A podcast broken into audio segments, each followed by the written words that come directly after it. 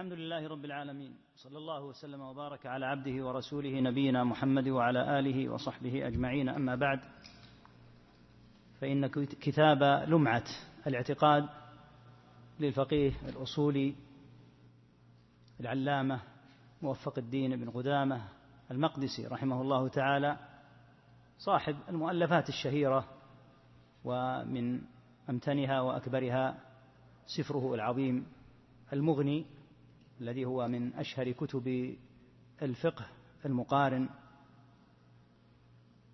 هذا الرجل رحمه الله تعالى من علماء الحنابلة ووجد أيضا في فترة اشتد فيها انتشار البدع ولا سيما بدع المتكلمين. وكان رحمه الله تعالى على حال من القوة العلمية والجهر بالحق ومنابذة أهل البدع والضلال. وتجلى هذا في كتابه رحمه الله تعالى. هذا مع أن هذا الكتاب يعد من أقصر المتون العقدية إلا أنه رحمه الله تعالى ذكر فيه جملة نافعة للغاية لمن أراد أن يلم بمسائل الاعتقاد ولا سيما على طريق الشرح لها. فإن المصنفين في الاعتقاد لهم مناحي مختلفة فتارة يركزون كما ركز من صنف في العقيدة بطريق الإسناد يركزون على إيراد الروايات عن النبي صلى الله عليه وسلم وعن الصحابة والتابعين وعن أئمة الإسلام يروون ذلك بالسند عنهم لتثبيت أن الاعتقاد موجود في الكتاب والسنة وفهم السلف الصالح رضي الله تعالى عنهم وأرضاهم وهذه الكتب دائما دائما نؤكد على طلبة العلم أن يهتموا بها لأن فيها الأصول التي تدل على العقيدة. فمثلا كتاب كتاب اللمعة وشرع ومتن الطحاوية وغيرها إنما صنفت لإيجاز المعتقد في مسائل الإيمان في مسائل القدر في مسائل الصحابة رضي الله عنهم وليس من شأنها أن تتوسع في إيراد النصوص. وإن كان ابن قدامة رحمه الله ذكر هنا جملة لا بأس بها من النصوص لكن الأسفار العظام الضخمة التي روت روت بالإسناد الأدلة على الاعتقاد هذه ينبغي ألا يفرط فيها وألا تهمل. هذا هو المنحى الأول. المنحى الثاني منحى من صنف على طريق ابن ابن قدامة وأمثاله ممن صنفوا الاعتقاد بطريقة موجزة بقصد أن يكون هذا الكتاب متنا عقديا يحفظ. كما يفعل الفقهاء حين يصنفون متنا عقدي آه، فقهيا مختصرا بقصد أن يحفظ طالب العلم هذا المتن ويستحضر مسائل الفقه. والتفصيل في الأدلة وفي الشروح وذكر الأقوال يكون في المطولات. فابن قدامة رحمه الله نحى هذا المنحى طريقتنا في الشرح إن شاء الله تعالى في مثل هذا اليوم. كما تعلمون أن الساعات فيه محدودة. ولهذا هناك مسائل سنجليها ونتوسع فيها إن شاء الله تعالى إما لكون هذه المسائل من المسائل الضخمة الكبيرة في الاعتقاد أو لكون هذه المسائل وجد فيها ذم لأهل السنة ووجهت الشبه لأهل السنة في هذه المسائل فنحتاج أن نجلي هذه المسائل مقرونة برد الشبهة.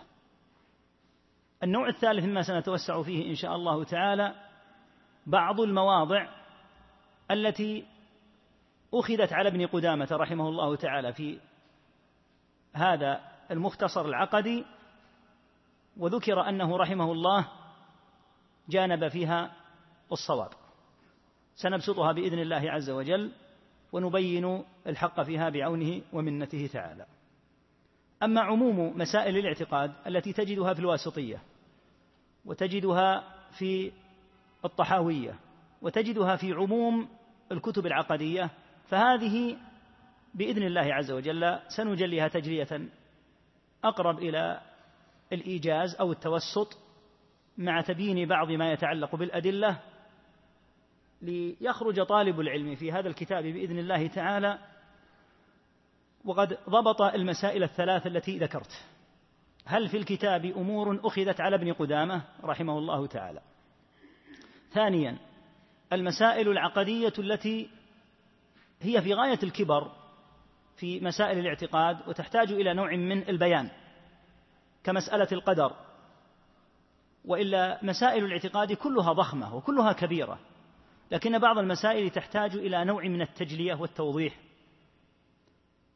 الأمر الثالث مسائل عقدية صوب أعداء السنة إلى أهل السنة فيها سهام الشبه وأثرت بكل أسف في بعض من لم يوفق للرسوخ في العلم. وظن أن في شبههم شيئا يزعزع قول أهل السنة وبخاصة في مسألة الصحابة رضي الله تعالى عنهم فقد صوب الروافض وخدمهم الذين يعملون وفق أوامرهم وإن تسموا بالسنة وأظهروا أنهم ليسوا من الروافض فقد صوبوا سهاما كثيرة جدا للصحابة رضي الله تعالى عنهم من حيث العموم ولبعض الصحابة كمعاوية رضي الله عنه ولمسألة الصحبة من حيث هي. واستخدموا في هذا الإعلام ودخل بعضهم في نوع من المناظرات لإثبات هذه المسألة على طريقة الروافض أو طريقة خدمهم والمرتزقة الذين لا يظهرون أنهم روافض والواقع أنهم من الروافض.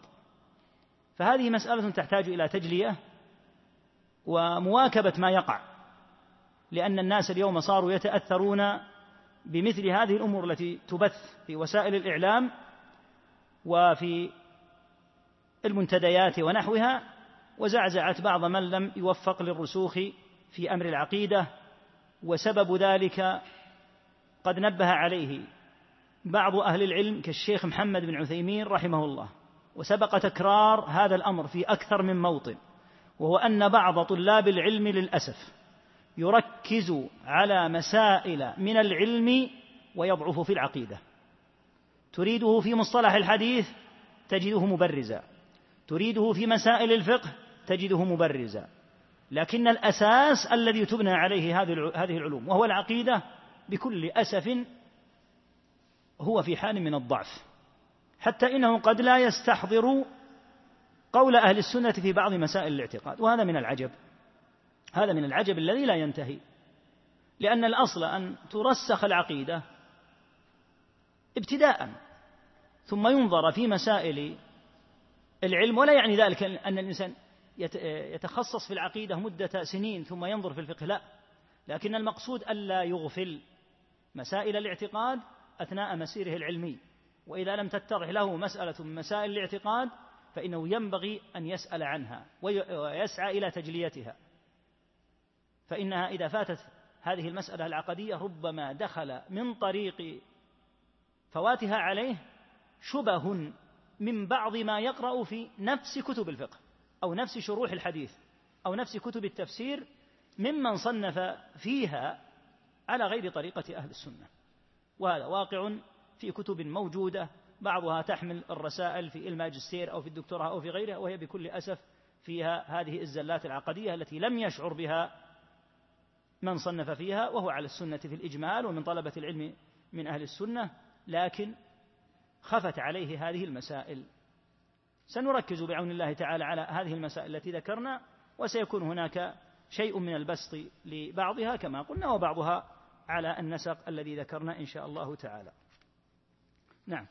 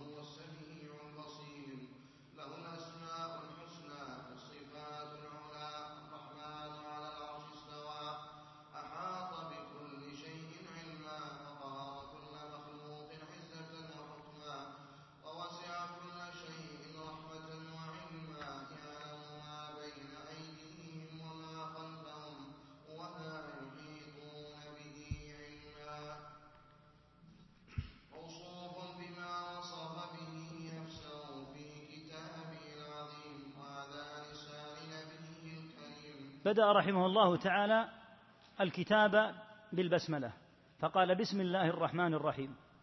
الباء هنا متعلقة إما بفعل يسبق البسملة تقديره أبدأ بسم الله الرحمن الرحيم أو متعلقة بالمصدر بسم الله الرحمن بسم الله الرحمن الرحيم ابتدائي.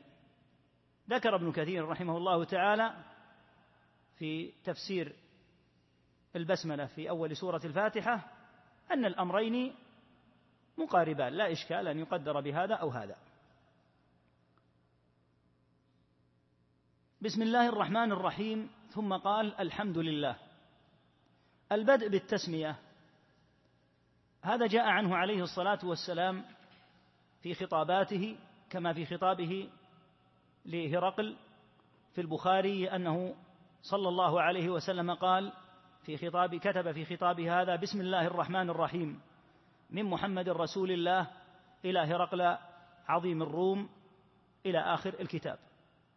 وذكر الله تعالى التسمية في خطاب سليمان إنه من سليمان وإنه بسم الله الرحمن الرحيم. فالكتب والخطب ينبغي أن تبدأ بذكر الله تعالى. أما ما يقع من كثير من المعاصرين من بدء كتبهم مباشرة دون تسمية أو دون حمد فإن هذا ولا شك مما اجتلبوه من أعداء الله تعالى من اليهود والنصارى. وهذه من البدع القبيحة جدا ومن التشبه بأعداء الله. فينبغي إما أن يسمي الله أو أن يحمد الله ولا يبدأ هكذا دون تسمية ولا حمد. قال رحمه الله تعالى الحمد لله المحمود بكل لسان. كل مسلم يحمد الله تعالى ويثني عليه ولو كان أعجميا. لا يلزم أن يثني الله أن يثني على الله باللسان العربي.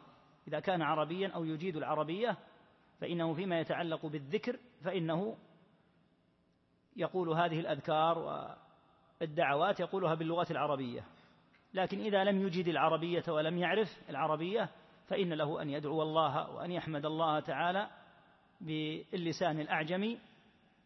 إذا كان الصيغة أو العبارات لا إشكال فيها فلا يلزم أن تكون باللغة العربية. لكن ثمة أذكارا يجب على الأعجمي أن يتعلم العربية لينطقها. مثل أذكار الصلاة وقطعا مثل الفاتحة وما يقرأ به كتاب الله فإنه يقرأه بالعربية.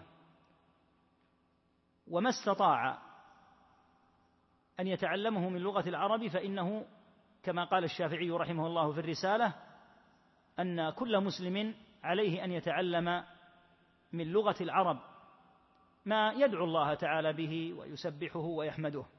وكما قلنا الأذكار في هذا وما يتعلق بها نوعان. أذكار يجب أن تقال باللغة العربية فليس له أن يبدأ مثلا الصلاة بغير الله أكبر بالعربية. وهكذا سمع الله لمن حمده. والسلام عليكم ورحمة الله. السلام عليكم ورحمة الله في الصلاة وتكبيرات الانتقال. وهكذا التسبيحات مثل سبحان ربي الأعلى سبحان ربي العظيم والدعوات التي تكون في الصلاة هذه تكون مما وكذلك لفظ التحيات التحيات لله والصلوات والطيبات كل هذه تكون بالعربية.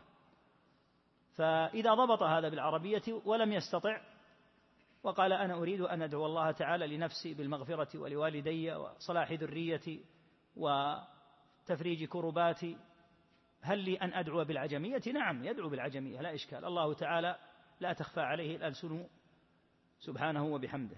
لكن الأذكار الواجبة أو الأذكار المشروعة المرتبطة بالصلاة ونحوها هذه تقال. وهكذا الأذكار في الصباح وفي المساء فإذا أراد أن يذكر الله تعالى في مثل قوله اللهم بك أصبحنا وبك أمسينا ونحو ذلك لا يقولها بالأعجمية يقولها يتعلم الأذكار بالعربية. أما الدعاء المطلق هذا له أن يدعو الله تعالى في خصوص أموره بما يحتاجه. المعبود في كل زمان الذي لا يخلو من علمه مكان.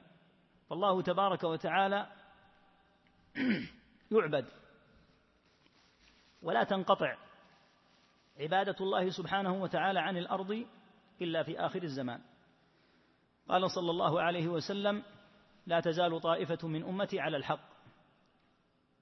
فمهما حصل حصل من غربة الدين ومهما حصل من انتشار الكفر والضلال والبدع والفجور والفسوق فبحمد الله ومنته يظل الأمر أن ثمة من يعبد الله تعالى على السنة ولا يخلو من هذا زمان. إلا الزمان الذي يبقى فيه كما قال عليه الصلاة والسلام ويبقى شرار الخلق في خفة الطير وأحلام السباع فيتمثل لهم الشيطان فيقولون ما تأمرنا فيأمرهم بعبادة الأصنام كما في صحيح مسلم زاد أحمد في المسند فيعبدونها. وهؤلاء هم الذين يبقون بعد هبوب الريح الطيبة التي تكون بعد نزول عيسى عليه السلام وبعد إهلاك الله تعالى يأجوج ومأجوج وبعد البركات العظيمة التي تكون في الأرض بعد ذلك يرسل الله تعالى ريحا طيبة فلا يبقى مؤمن ولا مسلم إلا قبضته فيقبض بهذه الريح ألين من الحرير. وهذه من آيات الله التي تكون في آخر الزمان. إذا مات جميع من على وجه الأرض ممن يكونون مع عيسى عليه الصلاة والسلام بعد نزوله يبقى هؤلاء الذين لا خير فيهم ويبقى شرار الناس في خفة الطير وأحلام السباع وفي لفظ في مسلم فيعودون لدين آبائهم يعودون إلى الدين الذي كانوا عليه في الجاهلية. هؤلاء تقوم عليهم الساعة كما قال عليه الصلاة والسلام إن من شرار الناس من تدركهم الساعة وهم أحياء والذين يتخذون القبور مساجد. فهذا النوع وهم الذين تقوم عليهم الساعة لا شك أنهم كفار لا خير فيهم. فعند ذلك تنقطع عبادة الله لأن بعدها عن قريب تقوم الساعة. ولهذا قال صلى الله عليه وسلم لا تقوم الساعة حتى لا يقال في الأرض الله الله نسأل الله العافية. ينقطع ذكر الله بالكلية في هؤلاء الصنف الخبيث بحيث ينقطعون تماما عن أي ارتباط بعبادة الله حتى مجرد ذكر اسم الله سبحانه وتعالى ينقطع فهؤلاء هم الذين تقوم عليهم الساعة. لهذا قال المعبود في كل زمان فعبادة الله لا تنقطع بحمد الله ويبقى في الأمة من يعبد الله وعلى السنة ومهما اشتدت الغربة وحلك الأمر واشتد فإنه يبقى بحمد الله تعالى من هو على النهج السوي كما قال صلى الله عليه وسلم لا تزال طائفة من أمتي على الحق. الذي لا يخلو من علمه مكان. الرب كما سيأتي سبحانه بحمده في السماء ويأتي إن شاء الله تعالى كلام على علوه. وهو في علوه سبحانه وتعالى لا يعزب عنه مثقال ذرة في الأرض ولا في السماء. فليس مكان يخلو علم الله تعالى منه بحيث قال هذا الموضع لا يدري به الله. حاشا لله تعالى من ذلك. قال تعالى وعنده مفاتح الغيب لا يعلمها إلا هو ويعلم ما في البر والبحر. وما تسقط من ورقة إلا يعلمها إلا يعلمها ولا حبة في ظلمات الأرض ولا رطب ولا يابس إلا في كتاب مبين. وقال تعالى وما يعزب عن ربك من مثقال ذرة في السماوات ولا في الأرض ولا أصغر من ذلك ولا أكبر إلا في كتاب مبين. ولهذا قال الذي لا يخلو عن علمه مكان لا يخلو من علمه مكان. لا يشغله شأن عن شأن. الرب سبحانه وتعالى يدبر الأمر كما قال سبحانه يدبر الأمر من السماء إلى الأرض. فتدبير الأمر لله تعالى في كل شيء في كل حركة وسكون وصغير وكبير والشؤون كثيرة. لو تدبرت شؤون العباد في دعواتهم لوجدت هذا يدعو بالرزق وهذا يدعو بالشفاء وهذا يدعو برد الغائب وهذا يدعو بسداد الدين. وهذا يدعو بصلاح الذرية وهذا يدعو بالجنة وهذا يدعو بمغفرة مي المغفرة لميته. وهو سبحانه وبحمده يسمع دعواتهم جميعا مع اختلاف لغاتهم ولا يشغله سبحانه وبحمده أن هذا يدعو بصلاح ذريته. وذاك الذي في شرق الأرض يدعو بالرزق وذاك الذي في غرب الأرض يدعو بالفرج والشفاء. لا يعزب عن علمه تعالى شيء فلا يشغله شأن عن شأن. وهذا يقرر لنا قاعدة عظيمة جدا وهي أن أسماء الله وصفاته لا يمكن أن تقاس. فلا يمكن أن يقاس وصف الله تعالى بوصف المخلوق. ومن هنا ضلت فرق الضلال كلها من الجهمية والمعتزلة والأشعرية والماتريدية وأسلافهم من الكلابية وغيرهم بسبب هذا الأمر. وهو أنهم إذا سمعوا لله وصفا قاسوه على المخلوق. فلما قاسوا وصف الخالق على وصف المخلوق قالوا إن هذا لا يليق بالله. ولهذا قرر أهل العلم قاعدة عظيمة وهي أن كل من عطل ونفى لا بد أنه قد شبه قبل ذلك. فكل معطل فهو ممثل ومشبه. شبه الله أولا حين سمع الوصف الوارد في النصوص. فلما شبه وصف الله بوصف المخلوق قال هذا الوصف لا يليق بالله. ولو أنه علم أن لله تعالى صفات تخصه وأن صفات الله تعالى لا تقاس أصلا على صفات المخلوق وتدبر في النصوص نفسها لعلم أن وصف الله لا يمكن أن يلحقه أي منقصة تلحق وصف المخلوق. ولو كانوا يعون ويتدبرون لوجدوا هذا في النصوص. قال تعالى وتوكل على الحي. وليس أي حي سبحانه الذي لا يموت. فلو فقهوا لعلموا أن اسم الحي وصفة الحياة إذا أضيفت إلى الله تعالى فإنها ليست كاسم الحي في المخلوق لأن الحي من المخلوقين يموت والله تعالى لا يموت. وقال تعالى أفمن يخلق كمن لا يخلق؟ أفلا تذكرون؟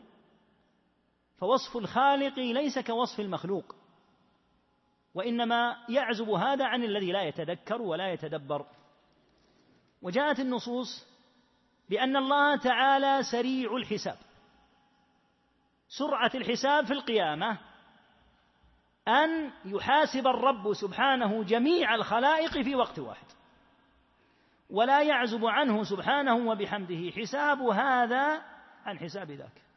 هل يقاس هذا؟ هل يمكن أن يقاس هذا؟ يستحيل أن يقاس. لأن من المعلوم أن أي أحد من المخلوقين لا يستطيع أن يتولى حساب مجموعة معينة إلا إذا انفرد لسماع هذا. وتحديد الحكم عليه.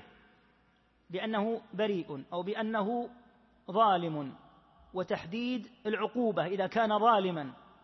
حتى إن الإنسان إذا تكلم عنده أكثر من شخص اثنان ثلاثة أربعة تشوش وأمر بالإنصات وقال أنا لا أستطيع أن أشتغل بكم جميعا اسكتوا أنتم وليتكلم واحد واحد. كيف تريدونني أن أعرف ماذا عندكم؟ وهذا يتكلم وهذا يتكلم. أنا ما أستطيع. هذا لأنه مخلوق.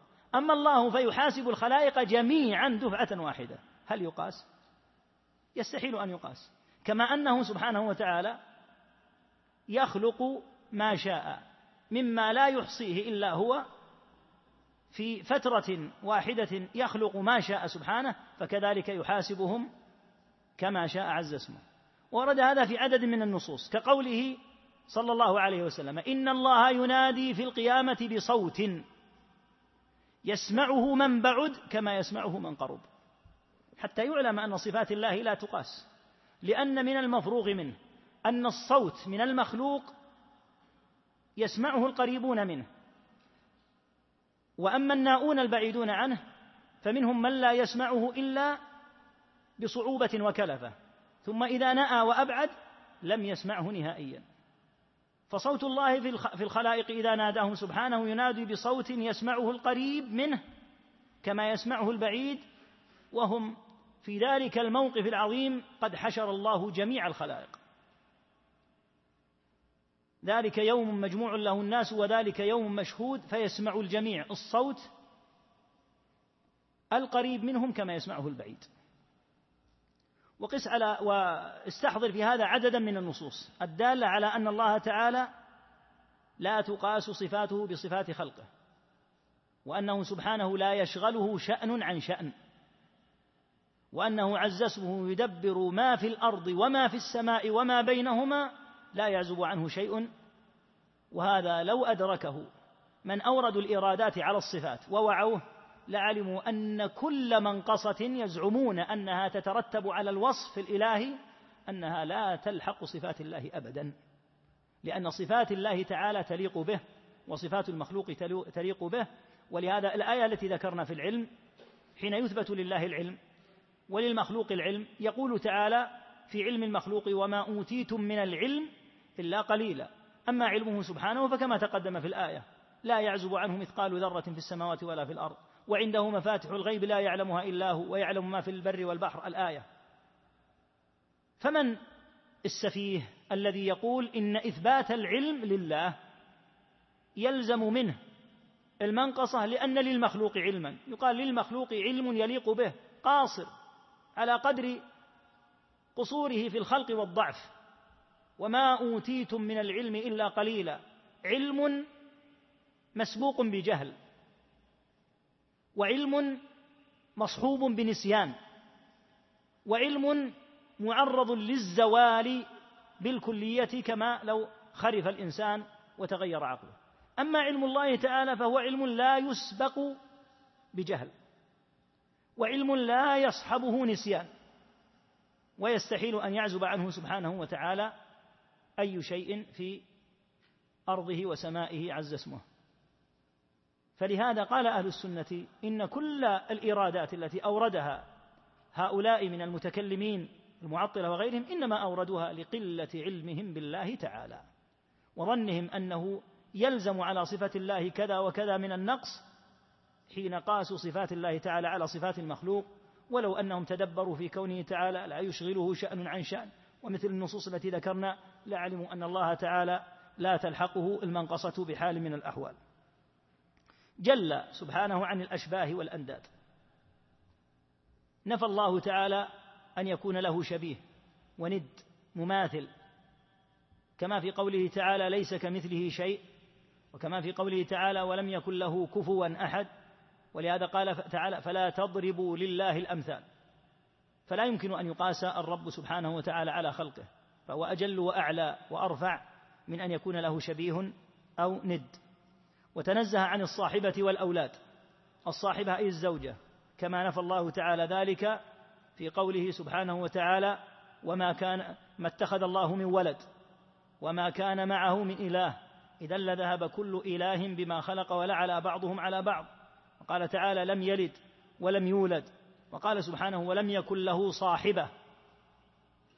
فهو تعالى متعال عما تقوله النصارى وعما يقوله كفرة العرب من أن الملائكة بنات الله أو ما تقوله النصارى من أن عيسى ابن الله أو من وصف الصاحبة لله تعالى وجل عن ذلك سبحانه وتعالى. ونفذ حكمه في جميع العباد. حكم الله عز وجل القدر إنما أمره إذا أراد شيئا أن يقول له كن فيكون. وهو سبحانه إذا أمر لا يعقب الحكم لا يعقب الأمر مرة أخرى. والله يحكم لا معقب لحكمه. فإذا أمر بالأمر تم. إنما أمره إذا أراد شيئا أن يقول له كن فيكون مباشرة ويستحيل أن يتأخر بتاتا. فإنه سبحانه وتعالى إذا أمر إذا أمر بالأمر تم. والله يحكم لا معقب لحكمه. في جميع العباد سواء من الملائكة أو الإنس أو الجن أو في الشجر أو في الحجر أو في أي شيء فحكمه تعالى نافذ ولا يمكن أن يرد ولا يمكن أن يعقب حكمه. ثم ذكر أمرين في صفات الله تعالى. مستحيلين. لا تمثله العقول بالتفكير ولا تتوهمه القلوب بالتصوير. فصفات الله تعالى يستحيل أن يوصل إلى كنهها وحقيقتها لا بطريق الذكاء والفهم والتفكير من خلال العقل ولا حتى بمجرد التوهم والتخيل والتصور. وهذا الباب باب خطير. لا يجوز لمن يؤمن بالله واليوم الآخر أن يتفكر في الله. ولهذا جاء الحديث تفكروا في آلاء الله أي آياته ولا تتفكروا في الله. فالتفكر في الله تعالى مدعاة الخذلان ويستحيل أن يصل العبد بتفكير وذكاء أو بتصور وتخيل إلى وصف الله تعالى. ولهذا قال السلف كل ما وقع في ذهنك فالله بخلافه. فلو أن إنسانا أقدم وقل أدبه وقال بل سأتخيل صفات الله وتخيل خيالا معينا. يقال أنت خالفت بلا شك ولكن هذا الخيال الذي وصلت إليه الله بخلافه لأن الله تعالى يستحيل أن يوصل إلى كيفية صفاته سبحانه من خلال التفكير بالعقول أو التوهم والتصور والتخيل. ولا شك أنه لا يجوز بتاتا أن يقدم على هذا الباب باب التخيل أو التفكر لأن الله تعالى يستحيل أن يوصل في شأن صفاته إلى مثل هذا من خلال العقول التي يدعي أهلها أن عندهم الذكاء والفطانة والفهم أو من خلال التوهم والتصور من جهة القلوب. ثم بين السبب من خلال الآية ليس كمثله شيء وهو السميع البصير. كل متخيل أو مفكر إنما يقيس. فإذا سمع باسم معين قاس ما يفكر فيه أو يتصوره على ذاك الاسم. فإذا قيل لك إن هذا رجل مباشرة عرفت أنه من بني آدم له هيئة معينة وخلقة معينة فهذا الرجل الآن كل من ذكر لك باسمه تقيس عليه. ولهذا لا إشكال من القياس للمخلوق على المخلوق. إنما البلاء من قياس الخالق على المخلوق والعياذ بالله أو قياس المخلوق على الخالق. فمن هنا جاءت هذه الآية قاعدة عظمى في الأسماء والصفات. وهذه الآية تعد قاعدة في الأسماء والصفات كلها. ليس كمثله شيء وهو السميع البصير. لأن منهج أهل السنة والجماعة في الأسماء والصفات مبني على أسس. من أعظمها وأظهرها الأساس الأول إثبات ما أثبت الله لنفسه والأساس الثاني نفي مشابهة أسماء الله وصفاته لأسماء وصفات المخلوقين وقد دلت عليهم على هذين الأساسين الآية. ليس كمثله شيء هذا نفي وهو السميع البصير إثبات. فهكذا قاعدة مضطردة في جميع الأسماء والصفات. ينزل ربنا إلى سماء الدنيا وليس كمثله شيء. يأتي لفصل القضاء بين الخلائق يوم القيامة وليس كمثله شيء. وهكذا جميع الأسماء والصفات. الموفق لهذا يجد من العلم بالله عز وجل وتعظيمه وعدم رد شيء من النصوص ما لا يعدله ملاذ الدنيا بأسرها. لما فيه من برد اليقين والراحة. وانشراح الصدر بالآيات. أما من نحى منح التشبيه فإنها ترد عليه الآيات النافية للتشبيه. ومن نحى منح التعطيل فإنها ترد عليه الآيات المثبتة للصفات. ولهذا جاءت هذه الآية العظيمة ردا على الطائفتين معا على الممثلة وعلى المعطلة. ليس كمثله شيء رد على من يمثل الله تعالى بخلقه. وهو السميع البصير رد على من نفى ليس السمع والبصر فقط بل من نفى السمع والبصر أو ما ورد في القرآن أو ما ورد في السنة لأن قوله تعالى وهو السميع البصير نص قرآني مثل قوله تعالى الرحمن على العرش استوى نص قرآني. فلهذا تجد أهل التعطيل يتناقضون تناقضا عظيما.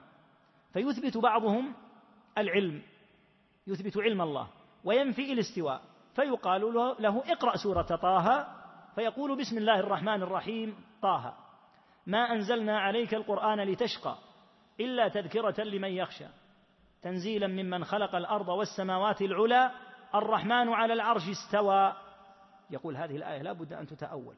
قال واصل له ما في السماوات وما في الأرض وما بينهما وما تحت الثرى وإن تجهر بالقول فإنه يعلم السر وأخفى. يقال ما تقول في هذه الآية؟ يقول أقبلها. سبحان الله العظيم. آيتان. في سورة واحدة. تتأول الآية السابقة وتؤمن بالآية اللاحقة. ما الفرق بين هذه وهذه؟ ألم يتكلم الله عز وجل بهما معا؟ على أي أساس؟ قبلت هذه الآية ورددت هذه الآية. فلهذا وجد في أهل الكلام أمر شاع فيهم تجده في تراجمهم ولا سيما الفحول الكبار منهم كالجويني والرازي والشهرستاني وأبي الحسن والخسر شاهي وأمثالهم. اقرأ في تراجمهم تجدهم في آخر أعمارهم يصابون بالحيرة. وهذه والله أعلم كأنها نوع عقوبة. على هذا التلاعب بآيات الله عز وجل حين يتشهى فيها. فتقبل آية وهي في القرآن وتتأول آية وهي في القرآن في نفس السورة. ما الأساس؟ لا أساس. يقول هذه الآية تليق بالله وتلك لا يليق أن يثبت معناها. وأنت الذي تعلم الله تعالى بالذي يليق به من الذي لا يليق به. قال تعالى قل أأنتم أعلم أم الله؟ ثم إن الله تعالى ذكر هذه الصفات تمدحا يتمدح بها سبحانه. إن ربكم الله الذي خلق السماوات والأرض في ستة أيام ثم استوى على العرش. يغشي الليل النهار يطلبه حثيثا والشمس والقمر والنجوم مسخرات بأمره. الا له الخلق والأمر. تبارك الله رب العالمين. كلها ثناء لو كانوا يفقهون. فجعل الاستواء على العرش في مجال التمدح. ولهذا لو تقرأ آيات سورة الرعد في أولها تجد أن الاستواء على العرش ذكر مع جملة من الأفعال والصفات التي كلها مدح وتعظيم وتعريف بالله عز وجل. ثم يقول أقبل هذه الصفة وتلك لا بد أن تتأول. على أي أساس؟ على أساس الهوى والخرص والتلاعب بكتاب الله وسنة نبيه صلى الله عليه وسلم. ثم قال رحمه الله له الأسماء الحسنى سبحانه والصفات العلى. قوله له الأسماء الحسنى أخذها من قوله تعالى في أكثر من موطن في القرآن ولله الأسماء الحسنى. والحسنى هنا اسم تفضيل. فلم يقل تعالى ولله الأسماء الحسنة بل له أحسن الأسماء. وأما الصفات فلم يقل تعالى إن له الصفات العالية بل قال ولله المثل الأعلى. المثل أي المقصود هنا المثل أي الوصف. فتأمل ما ذكر الله في الأسماء وما ذكر في الصفات. تجد أنه ذكر باسم التفضيل وليس باسم الفاعل. لم يقل ولله الأسماء أو الصفة المشبهة ولله الأسماء الحسنة. ولم يقل ولله المثل العالي بل قال ولله الأسماء الحسنى التي بلغت في الحسن أكمله وأجله. وقال في الصفات ولله المثل الأعلى وهو أيضا اسم تفضيل. ولهذا قلنا إن الأسماء والصفات تمدح يتمدح الرب بها. فكيف يقال إنها لا تليق بالله لو كانوا يفقهون؟ ذكر هذه الآية الرحمن على العرش استوى له ما في السماوات وما في الأرض وما بينهما وما تحت الثرى وإن تجهر بالقول فإنه يعلم السر وأخفى وسيأتي إن شاء الله الكلام عن الاستواء في موضعه. قال أحاط بكل شيء علما كما تقدم فلا يعزب عن علمه سبحانه وتعالى أي شيء حتى إنه سبحانه أخبر أنه يعلم ما يدور في خطرات العبد. قال سبحانه واعلموا أن الله يعلم ما في أنفسكم فاحذروه. يعني أنه يعلم ما يجوز في النفوس سبحانه وبحمده. ولهذا أوجب الحذر لأن الناس قد لا يعلمون قطعا لا يعلمون ما في نفسك. فتتصنع بما شئت. لكن الله يحذرك أنه تعالى يعلم الذي في نفسك وإن لم يعلمه الناس. ولهذا قال سبحانه وتعالى يعلم السر وأخفى. يعلم السر والذي أخفى من السر قال بعض المفسرين أي الذي يجوس في النفس الذي يدور في خطرات القلوب يعلمه سبحانه وبحمده. وقهر كل مخلوق عزة وحكمة عزة وحكمة. فالله سبحانه وتعالى هو الواحد القهار. وجميع الخلق مقهورون تحت أمره مربوبون. من الملائكة والإنس والجن والدواب والطيور وكل المخلوقات فإنها تحت قهره عز اسمه. ووسع كل شيء رحمة وعلما. قال تعالى ورحمتي وسعت كل شيء فرحمته تعالى تسع الخلق كلهم لعظم شأن الرحمة. رحمته تعالى تسع الخلق كلهم لكنه تعالى قال لحكمته ورحمتي وسعت كل شيء فسأكتبها للذين يتقون ويؤتون الزكاة الآية. فرحمته من حيث السعة تسع, تسع كل شيء. لكنه تعالى لا يوقع رحمته إلا لمن استجاب له ولرسله عليهم الصلاة والسلام. ورحمتي وسعت كل شيء فسأكتبها للذين يتقون ويؤتون الزكاة إلى آخر الآية. وإلا من حيث سعة الرحمة رحمة الله تسع كل شيء. وسع كل شيء رحمة وعلما وتقدم الكلام على سعة علمه سبحانه. يعلم ما بين أيديهم وما خلفهم ولا يحيطون به علما. هذا العلم العظيم لله تعالى الذي قد أحاط بكل شيء علما المخلوق من ضعفه وقلة حيلته وضعف علمه علمه في الأساس قليل. أما من جهة علمه بالله فهنا أمران اثنان. الإحاطة بالله هذه منفية عن العباد في الدنيا والآخرة. مستحيل أن يحاط بالله حتى في الآخرة حتى في الجنة حتى من الملائكة حتى من الأنبياء. الإحاطة بالله هذه لا يمكن أن يحاط بالله أبدا لأن الله أعظم وأجل من أن يحاط به. إذا كيف يعرف الله؟ العباد أعظم حاجاتهم وأوجبها وألزمها أن يعلموا ربهم أن يكون عندهم علم بربهم سبحانه وتعالى فلم يكن لهم طريق للعلم بربهم سبحانه وتعالى إلا من الطريق الذي بينه هو في كتب في كتبه وعلى ألسنة رسله صلى الله عليه وسلم. فأعرف الناس بالله وأجلهم قدرا من عرف الله تعالى من كلام الله وكلام رسوله صلى الله عليه وسلم. وأجهل الناس بالله من أراد أن يعرف الله تعالى من غير الطريق الذي عرف الله تعالى به نفسه. فمن أراد أن يعرف ربه تعالى وسلك غير الطريق الذي جاء في كتبه وعلى ألسنة رسله فتأمل في أمره. أخذ صنما وصار يعبده ويسجد له رجاء أن يشفع له هذا الصنم عند الله. ما عرف الطريق. ومن لم يعرف الطريق إلى الله عظم ملكا أو عظم نبيا أو عظم شجرا يريد أن يجعل هذا وسيلة إلى الله لأنه لا يعرف الله. إذ سلك للتقرب إلى الله تعالى غير الطريق الذي جعله الله تعالى. ولهذا لا يمكن أن يحاط بالله هذا أمر محال. ولا يمكن أن يعرف الله تعالى المعرفة التي تنفع الخلق إلا من الطريق الذي عرف الرب به نفسه من طريق كتبه ورسله عليهم الصلاة والسلام. ولهذا كان أجل العلم وأشرف العلم الذي لا يمكن أن يضارعه علم العلم الشرعي. وجميع النصوص الواردة في الثناء على العلم. ومدح أهله وذكر ما يتعلق بالأجر لمن تعلم كحديث من سلك طريقا يلتمس فيه علما سهل الله له به طريقا إلى الجنة. وكل النصوص الواردة في العلم فمما لا شك فيه أن المراد بذلك العلم الشرعي فقط.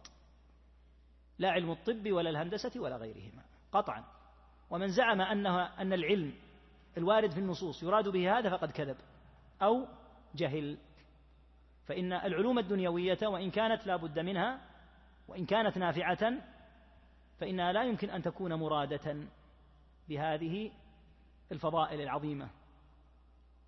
وإن كان المتعلم هذه العلوم إذا أصلح الله تعالى له نيته وقصد رفع حاجة الأمة عن أعدائها من اليهود والنصارى وغيرهم مثلا في الطب أو في الهندسة أو في أي مجال يؤجر بلا شك. كما أن التاجر المسلم بل وصاحب الحرف العادية إذا أصلح نيته في حرفته وأدى الأداء الذي لا غش فيه وعمل كما ينبغي فإنه يؤجر يؤجر على نيته. لا يؤجر لا على حرفته نفسها من حيث هي ولا يؤجر على تجارته من حيث هي ولا يؤجر على العلم الدنيوي من حيث هو وإنما يؤجر على الذي زاد على ذلك وهو النية. أما العلم الشرعي فقد قرر أهل العلم أن جميع النصوص الواردة بمدح العلم ومدح أهله إنما يراد به يراد بها العلم الشرعي بلا شك. ولهذا اختار الإمام أحمد والشافعي وعدد من أهل العلم والشيخ عبد العزيز رحمه الله تعالى بن باز اختاروا أن العلم الشرعي أعظم الأعمال التي يتقرب بها إلى الله على الإطلاق حتى من الجهاد في سبيل الله الذي قال صلى الله عليه وسلم في الجهاد وذروة في الإسلام وذروة سنامه الجهاد في سبيل الله. ولا ريب ولا شك في أن هذا هو الحق الذي لا مرية فيه. أن العلم الشرعي أعظم عبادة يتقرب بها إلى الله قطعا من الموحد. ما يجي إنسان يقول أيما أعظم العلم ولا التوحيد؟ هذا ليس سؤالا هذا. المقصود من أهل التوحيد من أهل الإسلام أي السبل التي أسلكها تكون أكثر تقريبا لي من الله عز وجل؟ يقال العلم الشرعي لكن بحقه وشرطه. بأن يقصد بتعلمه وجه الله تعالى وأن يعمل بما وأن يعمل طالب العلم بما تعلم فيكون علمه في هذه الحالة أعظم قربة يتقرب بها إلى الله. ولهذا وهو ما يدلك على أن المقصود بمدح النصوص إنما المقصود به العلم الشرعي النصوص الدالة على الوعيد لمن تعلم العلم الشرعي لغير الله. وفيه هذا الحديث العظيم المبين للمراد من تعلم علما مما يبتغى به وجه الله لا يتعلمه إلا لينال به عرضا من الدنيا لم يجد رائحة الجنة. فقوله مما يبتغى به وجه الله قيد يدل على أن من العلم ما يجوز ألا يبتغى به وجه الله. فمن تعلم الطب لأنه يرى أن الطبيب مرتفع المرتب وأنه يثري ما في بأس. لا يقال إنه أثم ولا يمكن أن يؤثمه أحد. كما أن الإنسان لو وجد نوعا من التجارات قال هذه التجارة رائجة سأسلكها؟ لا يقال تأثم إلا إن أردت بتجارتك وجه الله لا يقال يسلم بدون شك لأنه ابتغى الدنيا بالدنيا.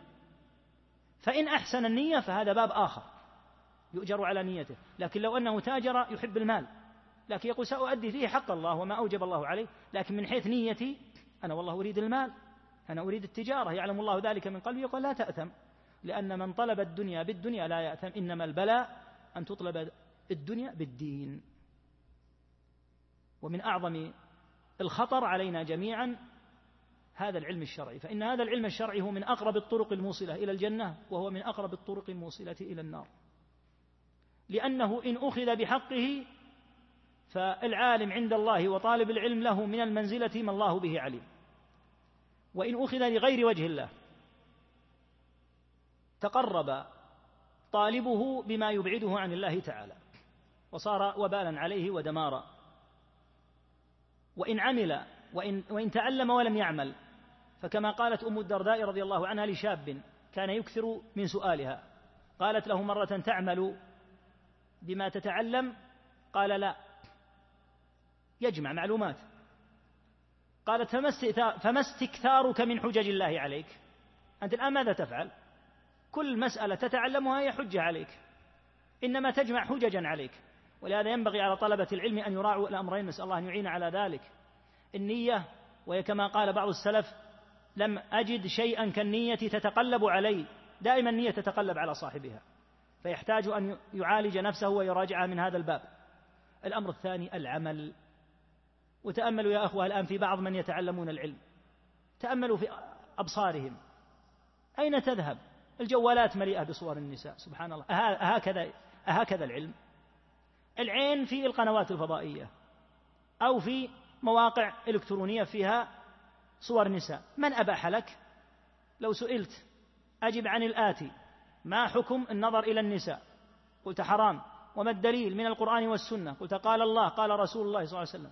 فما الذي جعلك أنت تنظر؟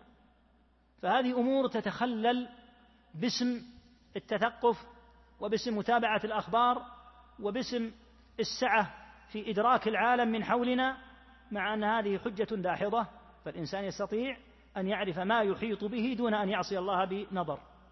الأخبار يمكن الوصول إليها بسهولة دون أن تنظر إلى النساء. لن تعرف أخبار الناس حتى تنظر إلى النساء. سبحان الله ما أعجب هذه الحجج الداحضة.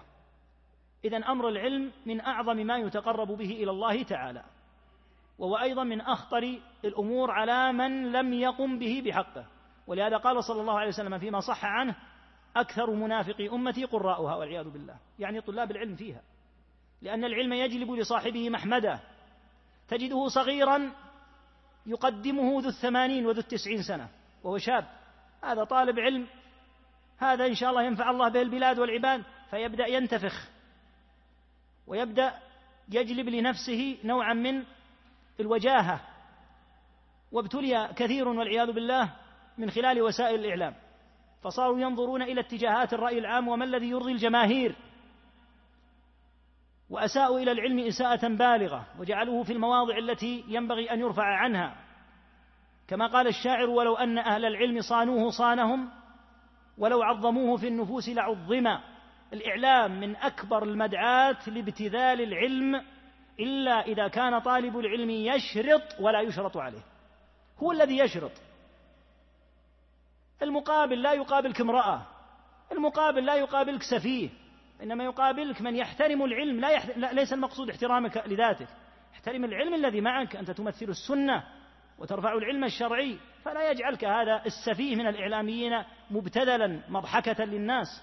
وأنت لا يكن همك النظر إلى الناس. فإن هذا من البلاء. فإنه كما يحذر أهل العلم من الفتنة بالسلاطين وبعطاياهم وبممالأتهم يحذر أهل العلم تحذيرا ربما يكون أبلغ من النظر إلى الجماهير وكثرة ثنائهم وكثرة مدائحهم والنظر ما الذي يرضي الناس.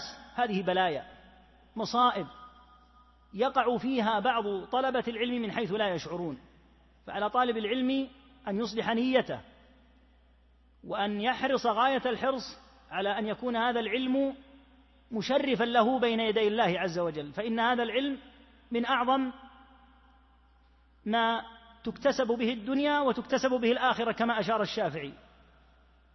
من يريدون الدنيا أخذوا بالعلم ومن يريدون الآخرة أيضا أخذوا بالعلم لأنه رفعة. يرفع الله تعالى به العبد فإن أراد به رفعة الدنيا ارتفع الحقيقة أنه يرتفع حتى في الدنيا. لكن على أسوأ ما يكون في الآخرة. ومن أراد به الرفعة في الآخرة رفعه الله عنده في الآخرة ويرتفع في الدنيا من عند العزيز الحكيم سبحانه وتعالى. لا من عند مجلبة يريدها هو لنفسه. ولهذا قال الفضيل بن عياض رحمه الله من أراد الشهرة لم يشتهر ومن لم يريد الشهرة اشتهر كما حصل للفضيل نفسه. فقد كان يهرب من الشهرة لكنه اشتهر رغما عنه. وأناس تصدوا على مدار التاريخ ليشتهروا لكن أبى الله أن يشتهروا الحاصل أن العلم أمانة عظيمة في رقاب أهله. يكتنفه النية الصالحة نسأل الله أن يعين على ذلك ويكتنفه العمل وتعويد طالب العلم نفسه أن يعمل كما كان الصحابة رضي الله عنهم. إذا قرأوا عشرا من الآيات لم يجاوزوهن حتى يعملوا بما فيهن. قالوا فتعلمنا العلم والعمل. ولهذا ظهرت آثار العلم عليهم رضي الله عنهم. أما اليوم فتحمل الشهادات للأسف والتخصصات الدقيقة ثم إذا رأيت مظهر هذا الذي حمله ربما تسمع به وتقرأ كتبه إذا به مظهر أبعد ما يكون عن السنة. منطقه ليس منطق السنة. هيئته ليست هيئة السنة. تصرفاته ليست تصرفات السنة لأن هذا العلم إن أخذ كما في الحديث إن الأنبياء لم يورثوا دينارا ولا درهما وإنما ورثوا العلم. فمن أخذه أخذ بحظ وافر. هو حظ كبير لكن إذا أخذه بحقه. فهذه مسألة يحتاج طالب العلم إلى أن يراجعها في نفسه ويلاحظها ويتدارسها ويتدارسها طلبة العلم فيما بينهم لأن مجالس طلبة العلم ليست كمجالس غيرهم من أهل السفه والطيش. ثم قال ويأتي لها شرح إن شاء الله لاحقا موصوف بما وصف به نفسه سبحانه في كتابه العظيم وعلى لسان نبيه الكريم. فركز هنا وسيأتي إن شاء الله تفصيلها أن وصف الله إنما يؤخذ من القرآن ومن السنة الثابتة. نعم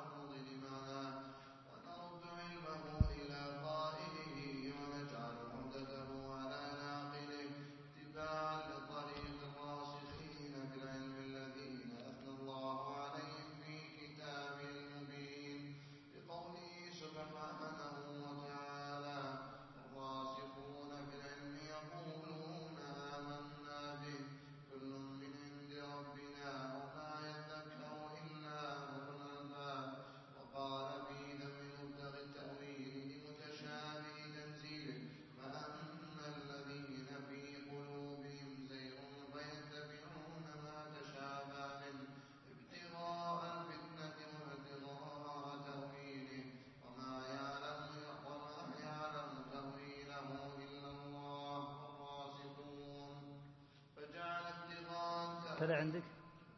كذا عندك؟ أقول كذا عندك في الوقف على الراسخين؟ أكمل الآية. ما في وقف. الآية ليس فيها هذا الوقف. الآية فيها إما أن يقال والراسخ وما يعلم تأويله إلا الله والراسخون في العلم. أو وما يعلم تأويله إلا الله ثم يبتدأ والراسخون في العلم يقولون. هذان الوجهان في الآية. نعم. أما وما يعلم تأويله إلا الله والراسخون ليس هذا وقفا في الآية. نعم أكملها. على كل إذا أكملت الآية تكمل بحسب القراءة. والراسخون في العلم يقولون. أنت عندك أي نسخة؟ إذا إلا الله. يعني وقف على قوله إلا الله لكن قوله والراسخون ما يوقف عليه. إما أن يتم والراسخون في العلم يقولون آمنا به أو ما يعلم تأويله إلا الله والراسخون. نعم فاقرأ حسب ما عندك لكن بالوقف الذي في الآية. نعم. وقال في ذم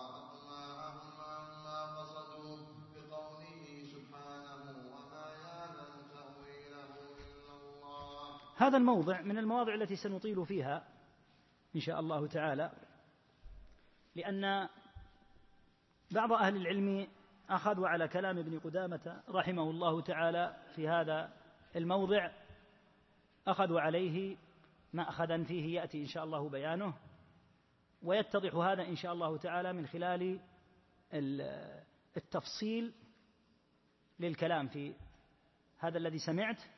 ومقارنة ما قاله في هذا المختصر بما قاله في مؤلفات أخرى له رحمه الله.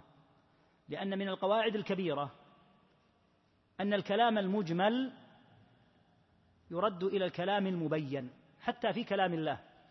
الكلام المجمل يكون فيه نوع اختصار ونوع إيجاز. إذا رددته إلى الكلام المبين المفصل الموضح اتضح لك الكلام المجمل. فإذا اقتصرت على الكلام المجمل يشكل.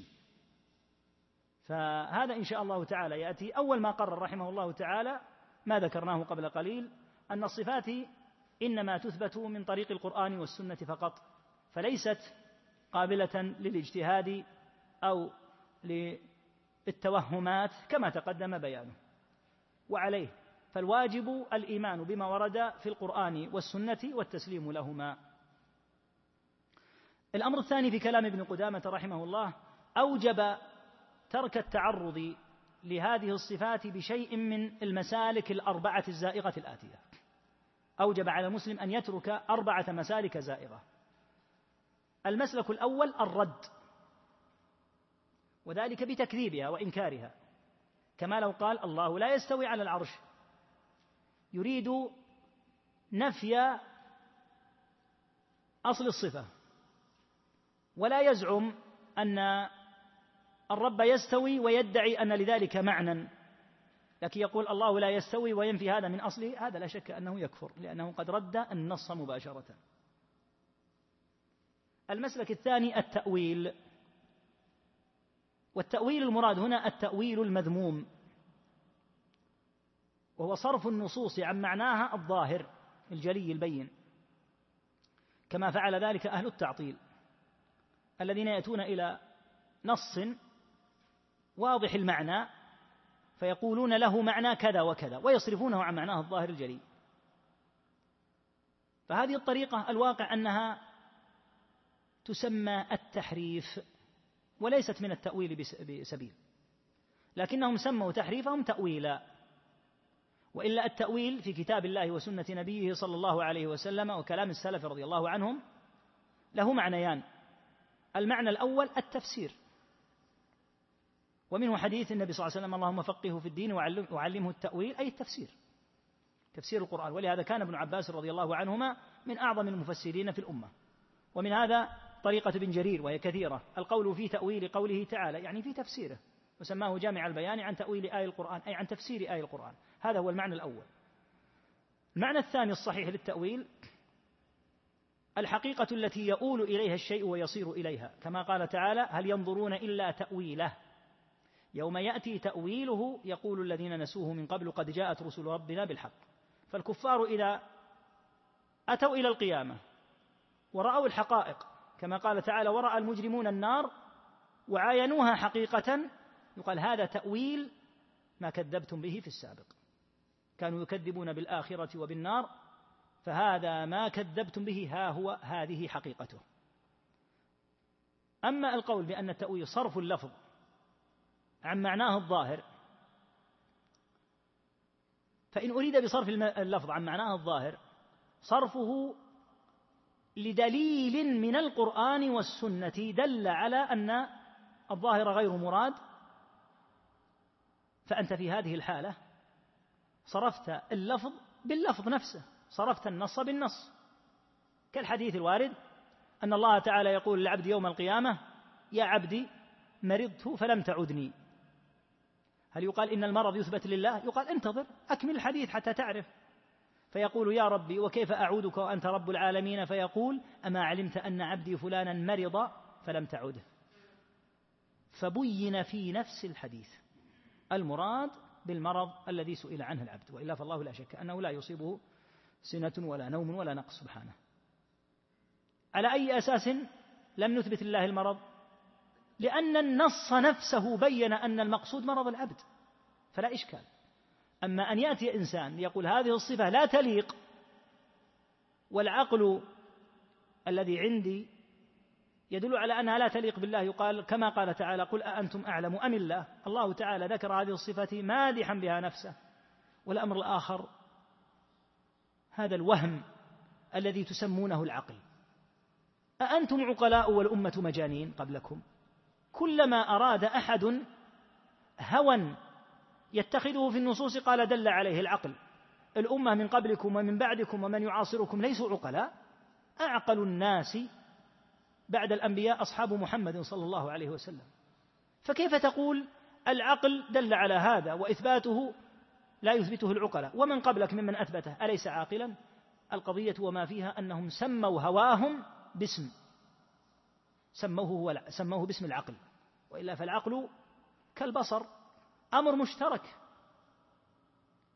الناس إما أن يكونوا عقلاء أو مجانين وإما أن يكونوا مبصرين أو عمي لا يبصرون. يتفاوت الناس نعم في العقل كما يتفاوتون في البصر. لكن العقلاء لهم حد معين. بناء عليه يحاسبون شرعا فلو أن أحدا تصرف بأي تصرف وكان مكلفا بالغا يقال يؤخذ به لأنه من العقلاء. وإن تفاوت الناس في العقل كما يتفاوتون في الإبصار. فمن يرى على مسيرة ثلاثة أيام مبصر ومن يرى على مسيرة ميل واحد مبصر لا يمكن أن تقول إنه أعمى. فالعقل الذي زعموا أنه دلهم على هذا هو هواهم. وخرصهم وتخمينهم مثل ما قالت المتصوفة. قالوا عندنا الكشف. ما الكشف؟ قالوا أمور تنزل في القلب مباشرة من الرب. ومن قال لك أنها نزلت من الرب؟ هذه تخيلاتك. ووساوس الشيطان. ظننتها من الرب. وما الأساس الذي بناء عليه زعمت أنها من الرب؟ فالحاصل أن التأويل المراد به هنا التحريف. وتغيير الكلام عن وضعه الحقيقي. المسلك الثالث الذي يجب أن يتركه المؤمن في الصفات هو التشبيه والمسلك الرابع هو التمثيل. التمثيل جعل مثيل لله عز وجل من جميع الوجوه. والتشبيه أن يجعل مثيلا لله تعالى من بعض الوجوه. فلا شك أن الله تعالى لا يماثله شيء سبحانه وبحمده. واللفظ الوارد في النصوص هو التمثيل. هو التمثيل. المنفي كما في قوله تعالى ليس كمثله شيء. ولهذا يختار بعض أهل العلم أن الأولى في الإطلاق أن يقال ينهى عن التمثيل لأنه هو لفظ القرآن الذي نفي في قوله تعالى ليس كمثله شيء. هذه الطرق كلها طرق للزائغين عن منهج أهل السنة. ممن فرطوا فرطوا يعني قصروا. ولم يراعوا حق النصوص وحرمتها فنفوها تأولوها بالتأويل الذي هو التحريف ردوها هذا تفريط. أو ممن أفرطوا يعني بالغوا وزادوا عن الحد والقدر الشرعي فمثلوا صفات الله تعالى بصفات المخلوق. عندنا الأمر الثالث في كلام ابن قدامة وهو الذي تعقبه بعض أهل العلم رحم الله الجميع. بسببه. الأمر الثالث هو ما أشكل من هذه الصفات. أوجب ابن قدامة معه أمرين. الأول إثبات لفظه لأنه من عند الله أو من عند رسوله صلى الله عليه وسلم فلا يحل لأحد إلا أن يؤمن به يجب أن تؤمن به. وإن أشكل عليك كونه يشكل عليك لقصور علمك لا يدل على أنه ليس بحق. هو حق ما دام في القرآن أو السنة الثابتة فهو حق. فإذا أشكل عليك لفظ فيجب أن تؤمن بهذا اللفظ الذي أشكل. الأمر الثاني ما دام قد أشكل عليك ولم يتضح لك فلا يحل لك أن تتعرض لمعناه. لأنك جاهل باللفظ أنت تقول هذا اللفظ أشكل علي. كيف تخوض في معناه وهو مشكل عليك؟ ووجب في هذه الحالة أن يرد علمه إلى من قاله فيحال العلم إلى الله أو إلى رسوله صلى الله عليه وسلم. هذا كما قلنا هو الواجب في كل من جهل أمرا ولم يتبين له في النصوص. يلزمه كما قلنا إثبات اللفظ وأن يترك التعرض لمعناه لكنه يسأل من هو أعلم منه. كما قال تعالى وفوق كل ذي علم عليم. فقد تجهل أمرا ويكون غيرك أعلم به أعلم به. وهذا هو الذي ورد في قوله تعالى في مسلك الراسخين قال تعالى هو الذي أنزل عليك الكتاب منه آيات محكمات أي بينات واضحات. منه آيات محكمات أي بينات واضحات.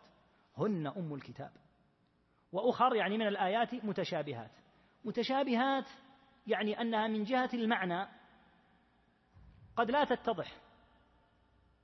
ولفظها فيه احتمال. فما العمل مع هذه المتشابهات؟ ترد المتشابهات إلى المحكمات فتتبين. ونعطي عليه مثالا إن شاء الله تعالى الآن.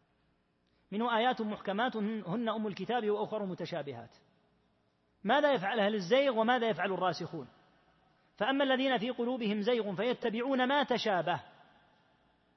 ويترك أي أي ويتركون المحكم. المحكم البين يتركونه. فيتبعون ما تشابه منه ابتغاء الفتنة. مرادهم الفتنة. وابتغاء تأويله. وما يعلم تأويله إلا الله. قرئت الآية بالوقف هكذا. وما يعلم تأويله إلا الله. أي إلا الله وحده. ثم استؤنف الكلام. والراسخون في العلم يقولون آمنا به. أي أن الراسخين في العلم يؤمنون بمحكمه ومتشابهة. كل من عند ربنا. وقرأت الآية بالوقف على قوله تعالى العلم. وما يعلم تأويله إلا الله والراسخون في العلم أي أن الراسخين في العلم يعلمون تأويله. فهذان وجهان في الآية. ولكل قراءة وجه صحيح. فإن كان المقصود أن أهل العلم يعلمون تفسيره فقطعا هم يعلمون تفسيره وإن جاهله العامي أو من لم يتبصر العلم. أو الواحد من أهل العلم قد يعزب عنه معنى آية فيرده إلى من هو أعلم منه فيجليها له. وإن كان المقصود حقائق هذه الصفات وحقائق الغيبيات فالوقف على قوله إلا الله وما يعلم تأويله إلا الله فكنه الصفة وحقيقتها التي هي عليها لا يعلمها إلا الله. والراسخون في العلم يقولون آمنا به كل من عند ربنا. كلامه رحمه الله تعالى جعل بعض أهل العلم يقول إن في كلام ابن قدامة ميلا إلى قول المفوضة. المسالك الباطلة في الصفات ثلاثة مسالك. المسلك الأول مسلك الممثلة الذين يمثلون صفات الله بصفات الخالق وهذا واضح. يقولون وجه الله كوجوهنا لا فرق بين وجه الله ووجوهنا عياذا بالله. وهذا من أمحل المحال وقد ذكر شيخ الإسلام أن أكثر أهل السنة على كفر هؤلاء لأنه يترتب عليه أن علم الله كعلم المخلوق وهذا كفر صريح بالآية. وما أوتيت من العلم إلا قليلا فلا يمكن أن يقال في علم الله مثل هذا. فالممثلة الذين مثلوا صفات الله تعالى بصفات خلقه هؤلاء من الزائغين. النوع الثالث المعطلة وهم درجات. الجهمية وهم الغلاة ينكرون جميع الأسماء وجميع الصفات. الدرجة الثانية من المعطلة الجهمية المعتزلة لأن المعتزلة وإن كانوا خصوما للجهمية في الإيمان وفي القدر إلا أنهم تأثروا بهم في الصفات. فأخذوا من الجهمية إنكار الصفات وأثبتوا الأسماء في الجملة. فوقعوا في تناقض عجيب فقالوا إن الله عليم بلا علم لأنهم يثبتون الاسم ويقطعون عنه الوصف.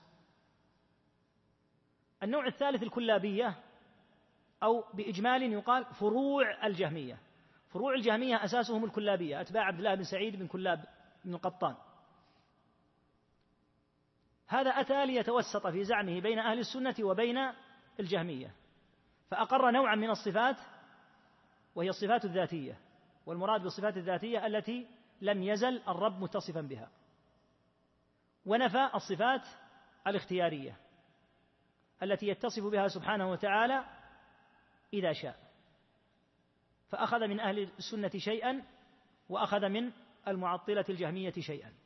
ورد عليه أهل السنة والمعطلة معا لأن هذا مذهب ملفق لا هو بمذهب المثبتين ولا هو بمذهب النفاة المعطلين.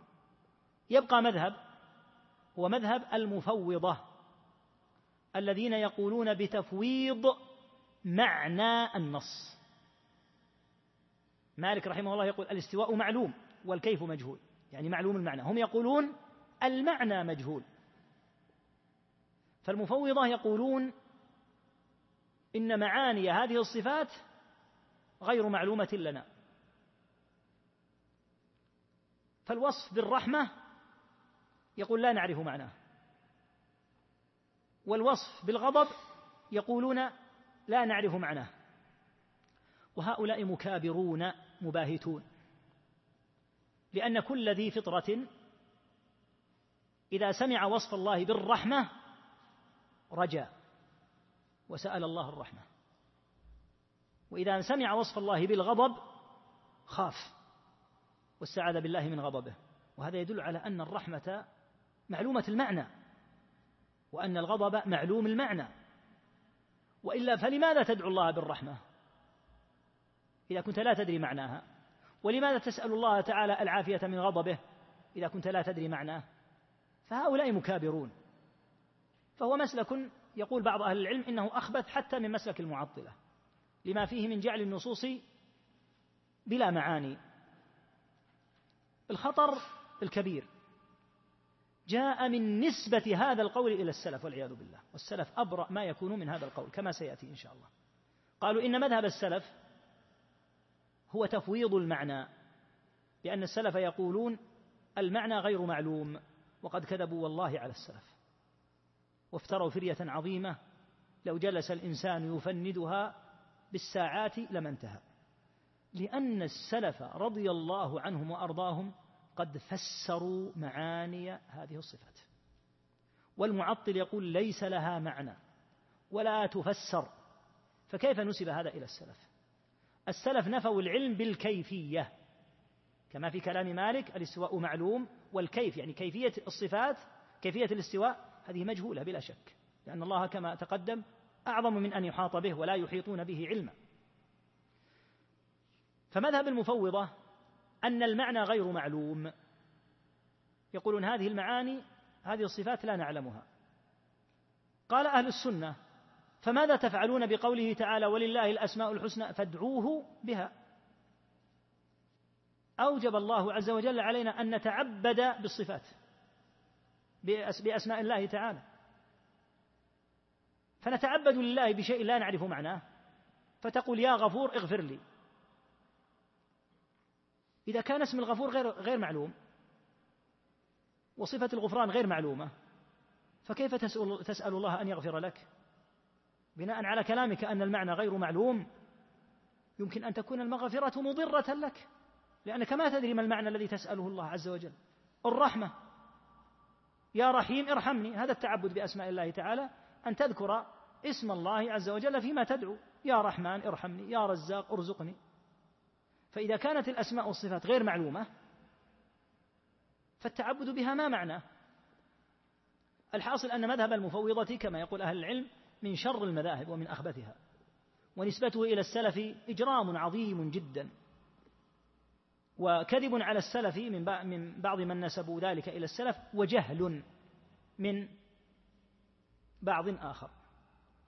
هنا كلام ابن قدامة. ثلاثة مسالك مسلك المشبه الممثلة والمسلك الثاني مسلك المعطلة والمسلك الثالث مسلك المفوضة. هو اللي شرحناه الآن. كلام ابن قدامة هنا قال بعضهم إن فيه ميلا لقول أهل التفويض لأنه ذكر رحمه الله تعالى ما يدل على أنه يفوض المعنى. أخذوا من كلامه رحمه الله تعالى أن ابن قدامة حين قال وما أشكل من ذلك وجب إثباته لفظا وترك التعرض لمعناه ونرد علمه إلى قائله ونجعل عهدته على ناقله. اتباعا لطريق الراسخين هل في كلام ابن قدامة ما يفهم منه هذا؟ ذكر هذا بعض المشايخ الكبار رحمهم الله. كالشيخ محمد بن إبراهيم وكالشيخ عبد الرزاق عفيفي رحمة الله تعالى عليهما. لكن الحق أن النظر في كتب ابن قدامة الأخرى التي صنفها يجلي لك هذا الموضع. بما يدل على أن في كلامه رحمه الله اختصارا وإجمالا يتبين من كلام له في نفس الكتاب. سيأتي إن شاء الله. ومن كلام له مفصل في كتب له أخرى ولهذا سنطيل التعليق على هذا الموضع لأنه الحقيقة من المواضع التي ينبغي أن تجلى لأنها مما أخذ على المصنف رحمه الله تعالى. التعليق على كلام ابن قدامة نجعله في الفقرات الآتية. أولا أن كلامه هنا رحمه الله فيه إجمال. والقاعدة أن يعرض الكلام المجمل على الكلام المبين. وسبب إجماله هنا رحمه الله أنه في مقام الإيجاز وعدم التفصيل لأن متن اللمعة موجز لأن المراد باللمعة البلغة. يقال بلغة من العيش يعني بلغة يسيرة في المعتقد فهو مختصر رحمه الله موجز. ولم يريد التفصيل والتوسع في عرض المعتقد بأدلته وشروحه. فإذا رجعنا لكلامه المبين اتضح أنه على طريقة السلف يثبت المعنى بلا أدنى شك. ولا يفوض كما تقول المفوضة. وإليك البرهان على هذا من كتبه. يقول رحمه الله تعالى في كتابه ذم التأويل ومذهب السلف الإيمان بصفات الله وأسمائه التي وصف بها نفسه في آياته وتنزيله أو على لسان رسوله صلى الله عليه وسلم من غير زيادة عليها ولا نقص منها ولا تجاوز لها ولا تفسير لها ولا تأويل لها بما يخالف ظاهرها. فهو ينفي التفسير الذي يخالف الظاهر. ولا تشبيهم بصفات المخلوقين بل أمروها كما جاءت وردوا علمها إلى قائلها ومعناها إلى إلى المتكلم بها. قارن بين هذا الموضع في كتاب ذم التأويل وبين هذا الموضع هنا. ما مزية الكلام هذا في كتاب ذم التأويل؟ أنه مفصل. أما هنا فاختصر. ثم في كتابه رحمه الله تحريم النظر في كتب الكلام أورد قول ابن عقيل ابن عقيل سأل هذا السؤال ما الذي يظهر لكم من معنى هذه الألفاظ الواردة في الصفات؟ فانظر كيف رد عليه ابن قدامة ابن قدامة. رد بقوله هذا تسرع في التجاهل كأنه لا يعرف معتقد أهل السنة. ثم قال قد علمنا أن لها معنى في الجملة يعلمه المتكلم بها فنحن نؤمن بها بذلك المعنى. فدل على أنه يثبت المعنى. ثم قال رادا على ابن عقيل حين نفى العلم بالمعنى. رد عليه بقوله كالمتهكم به. كيف يسأل عن معنى وهو يقول لا أعلمه؟ يقول أنت تقول لا أعلم المعنى فكيف تسأل عن المعنى؟ وكيف يسأل عن كيفية ما يرى أن السؤال عنه بدعة؟ والكلام في تفسيره خطأ. إذا جمع طالب العلم بين كلام ابن قدامة في هذين الكتابين مع كلامه هنا ثم ضم موضعا ثالثا سيأتي. قال فيه ابن قدامة بعد أن ذكر عددا من النصوص الواردة في الصفات كالعجب والغضب والرضا وغيرها قال واسمع ما قال. نؤمن به ولا نرده ولا نجحده ولا نتأوله ولا نتأوله بتأويل يخالف ظاهره. وهذا يدل على إثبات معنى دل عليه الظاهر لا يجوز أن يتأوله أحد.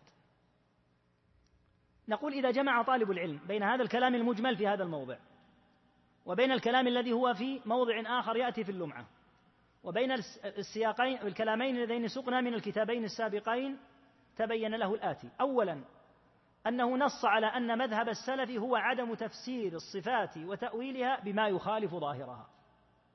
وذلك يعني أن معناها الظاهر هو الذي يجب التزامه وعدم تأويله.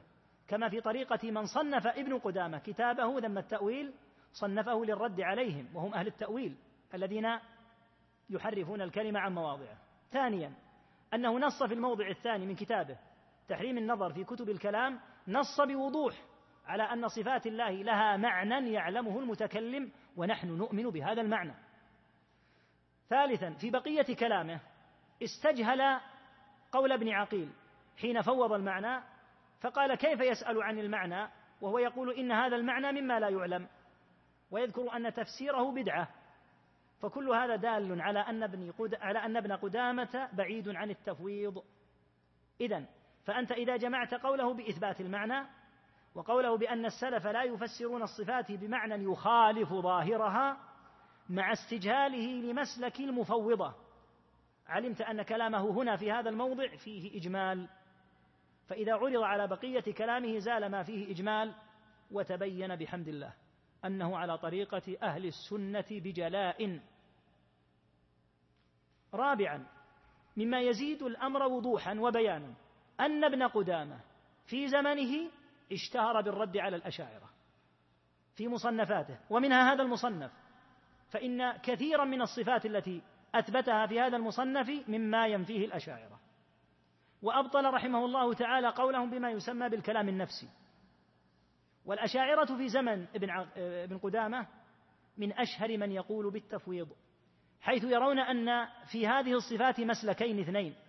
كلاهما جائز. التأويل الذي هو تحريفها عن معانيها الحقيقية. والثاني هو التفويض.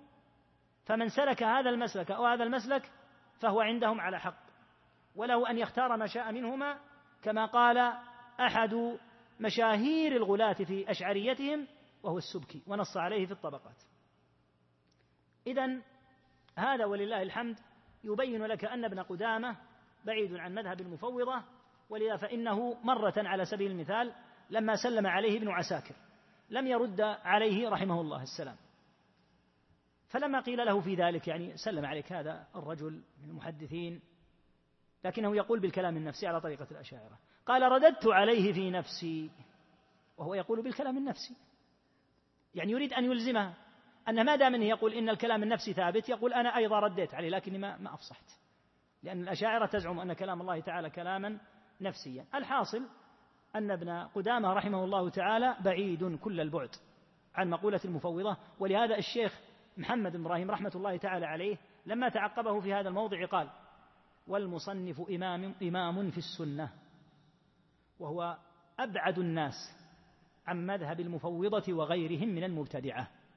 فكأن الشيخ رحمه الله يقول هذا الموطن وقع على طريقة المفوضة أما ابن قدامة يقول فهو بعيد عن المفوضة ولكن الذي يظهر بإذن الله عز وجل ويترجح أن هذا الموطن لا إشكال فيه لأن فيه إجمالا. إذا رد إلى الموطن الآتي لنا إن شاء الله تعالى في نفس اللمعة زال الإشكال. وإذا رد إلى كتابيه ذم التأويل وتحريم النظر في كتب الكلام بالنصين الذين نقلنا يتضح بإذن الله تعالى أنه بعيد عن قول المفوضة. نعم.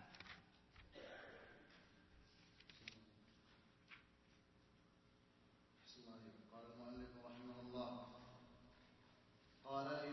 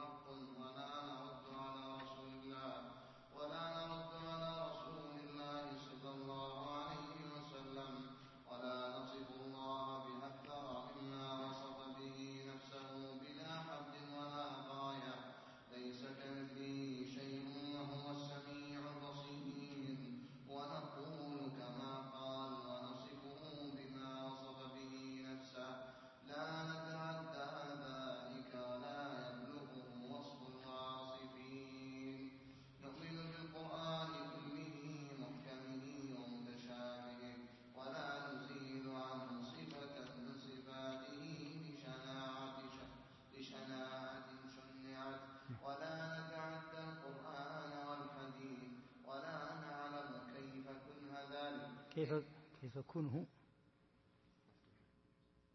الذي تحتمل ما نعلم كنه كنه ذلك. يحتمل أن يكون لكيف نوع من الفصل. اقرأ كما عندك. نعم.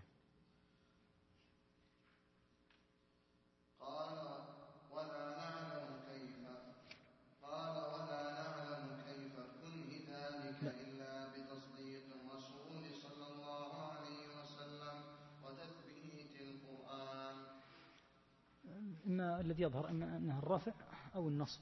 أما ال- الجر يبدو أنه ما يؤثر. كيف؟ طيب.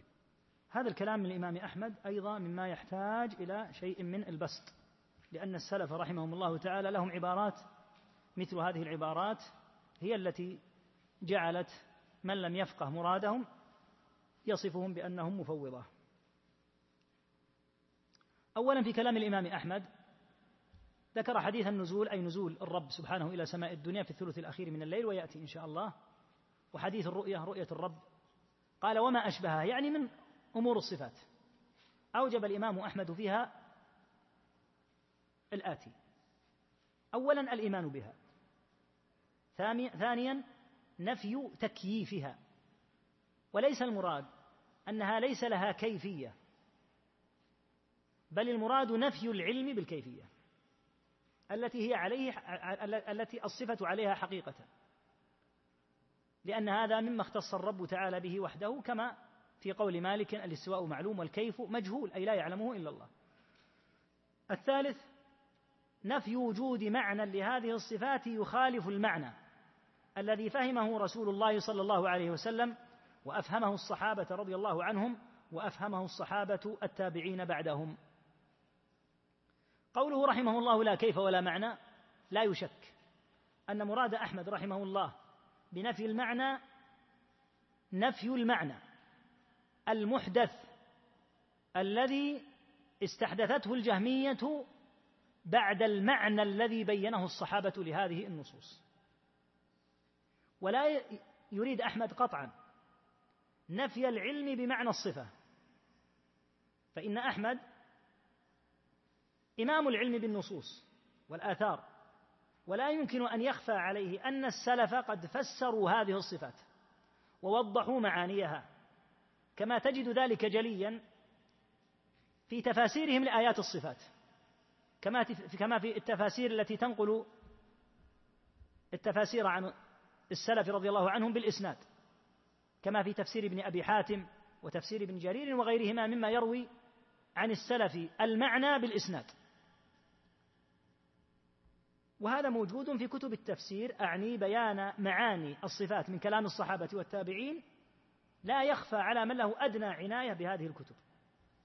فإن قلت ما الدليل على أن أحمد حين قال لا كيف ولا معنى لم يرد بنفي المعنى نفي العلم بالمعنى من أصله. كما تقول المفوضة فالجواب من الوجوه الآتية.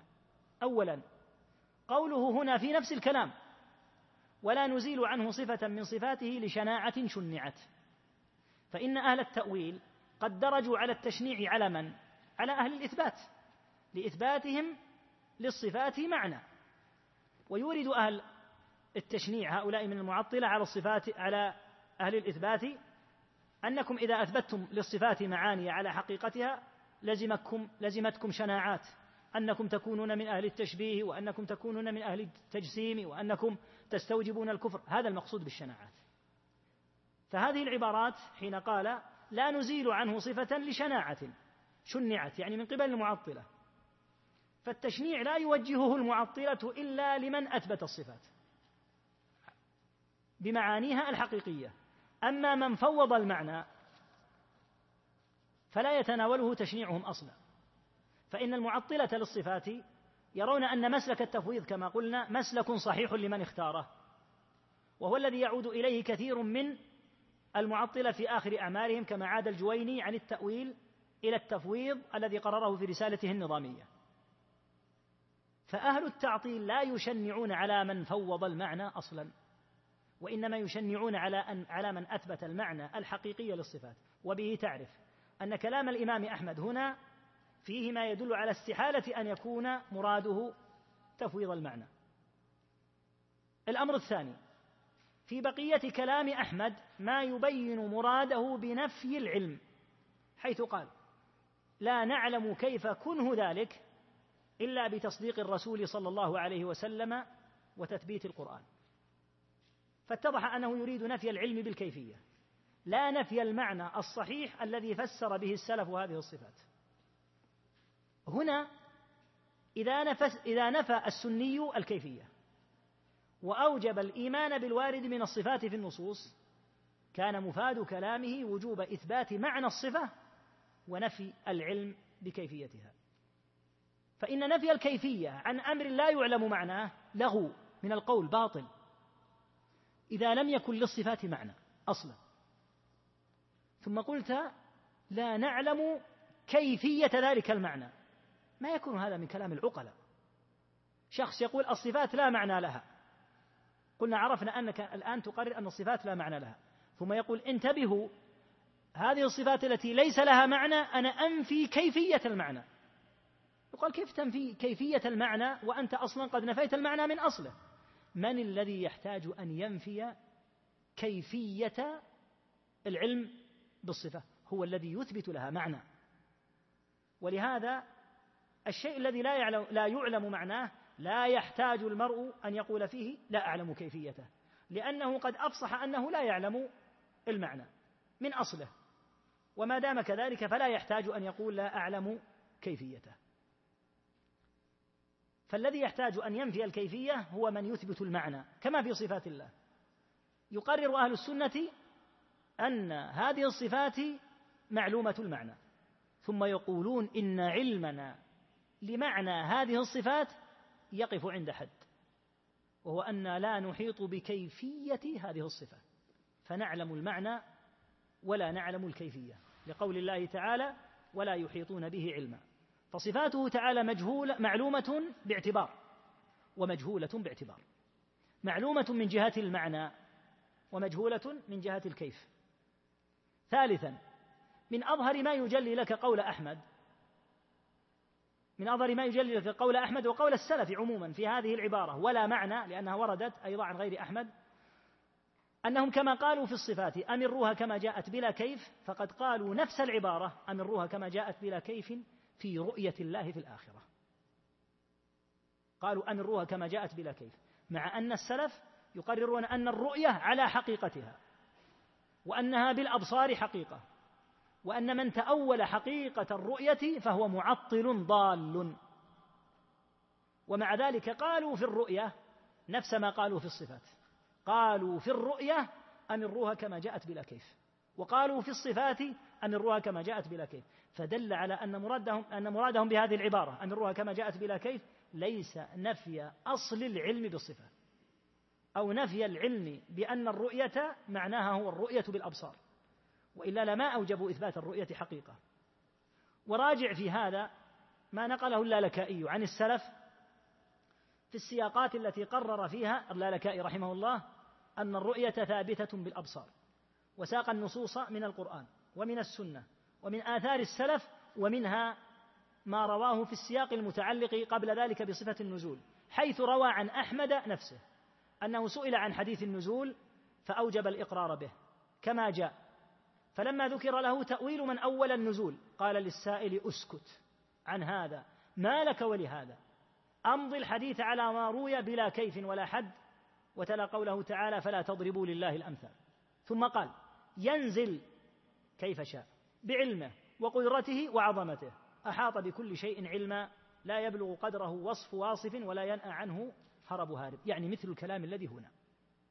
ومما يوضح ذلك أيضا أكثر في كلام الإمام أحمد وأنه يثبت المعنى وينفي الكيفية ما نقله عنه ابنه عبد الله في كتاب السنة حيث قال سألته عن قوم يقولون لما كلم الله موسى لم يتكلم بصوت فقال بلى إن ربك عز وجل تكلم بصوت هذه الأحاديث نرويها كما جاءت والذي يثبت الكلام بالصوت يقرر أن الكلام حقيقة وإلا لأوجب الكف عن إثبات الصوت.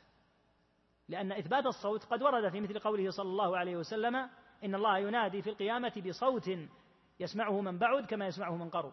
وهو الذي سمعه موسى عليه الصلاة والسلام كما يأتينا في كلام في في صفة الكلام.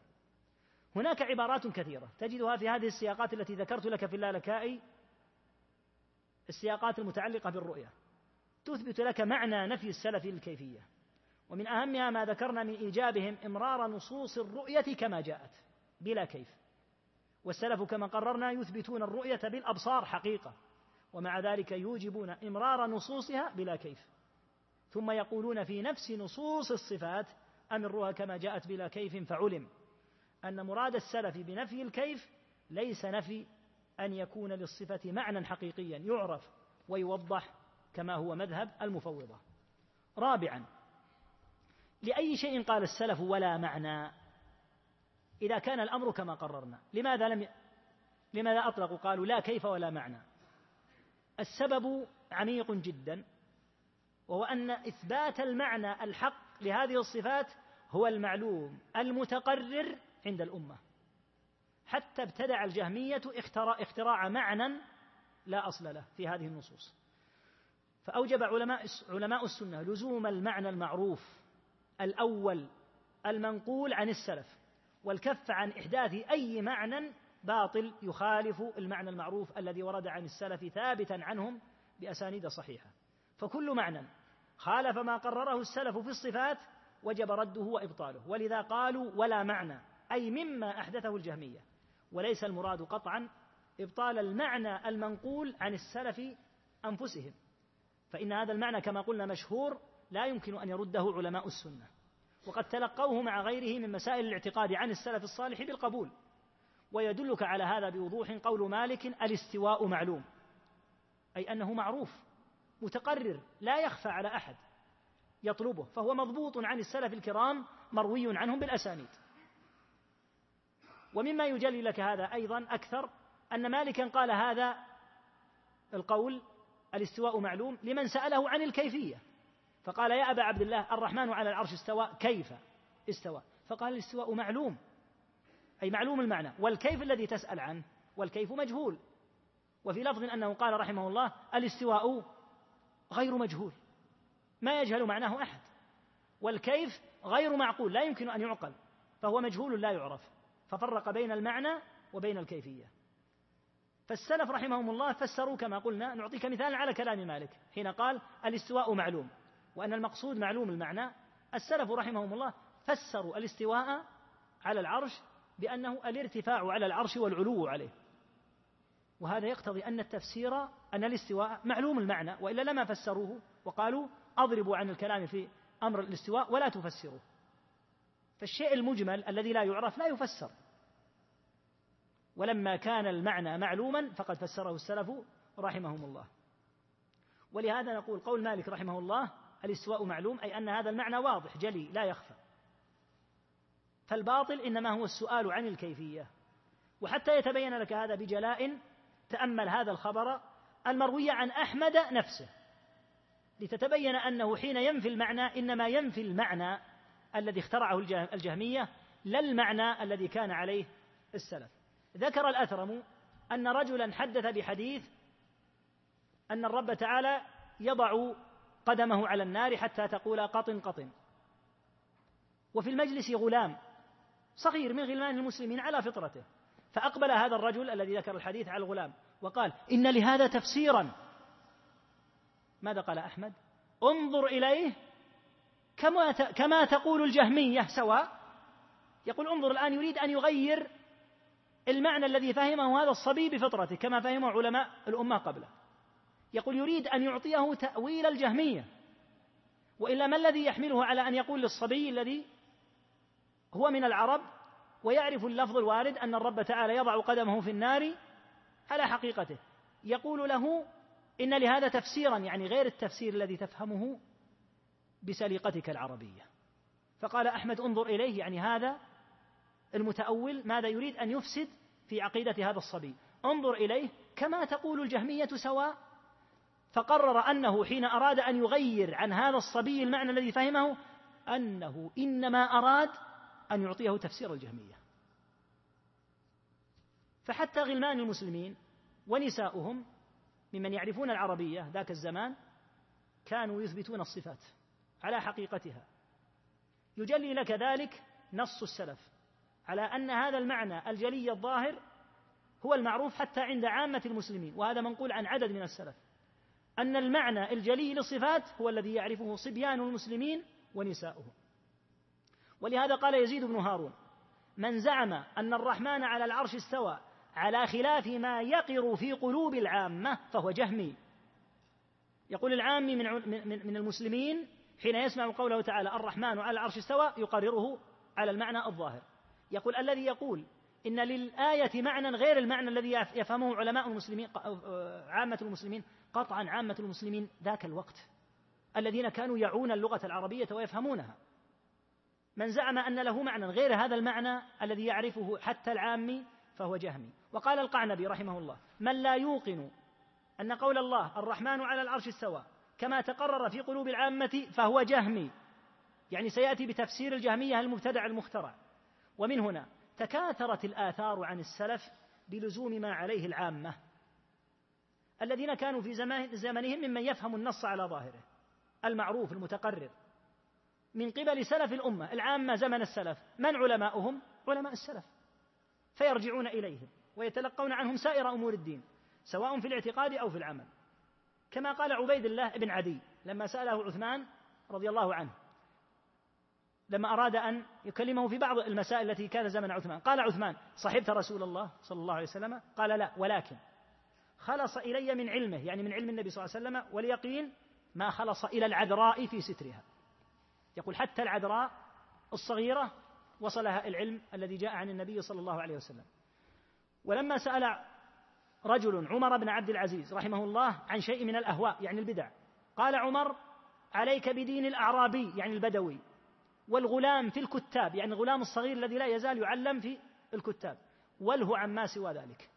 وفي لفظ أنه قال انظر دين الأعرابي والغلام في الكتاب فاتبعه لأنهم على الفطرة.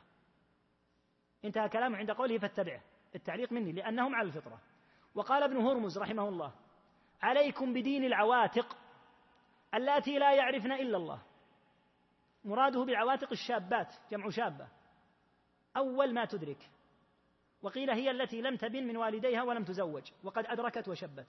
على كل حال هي صغيرة.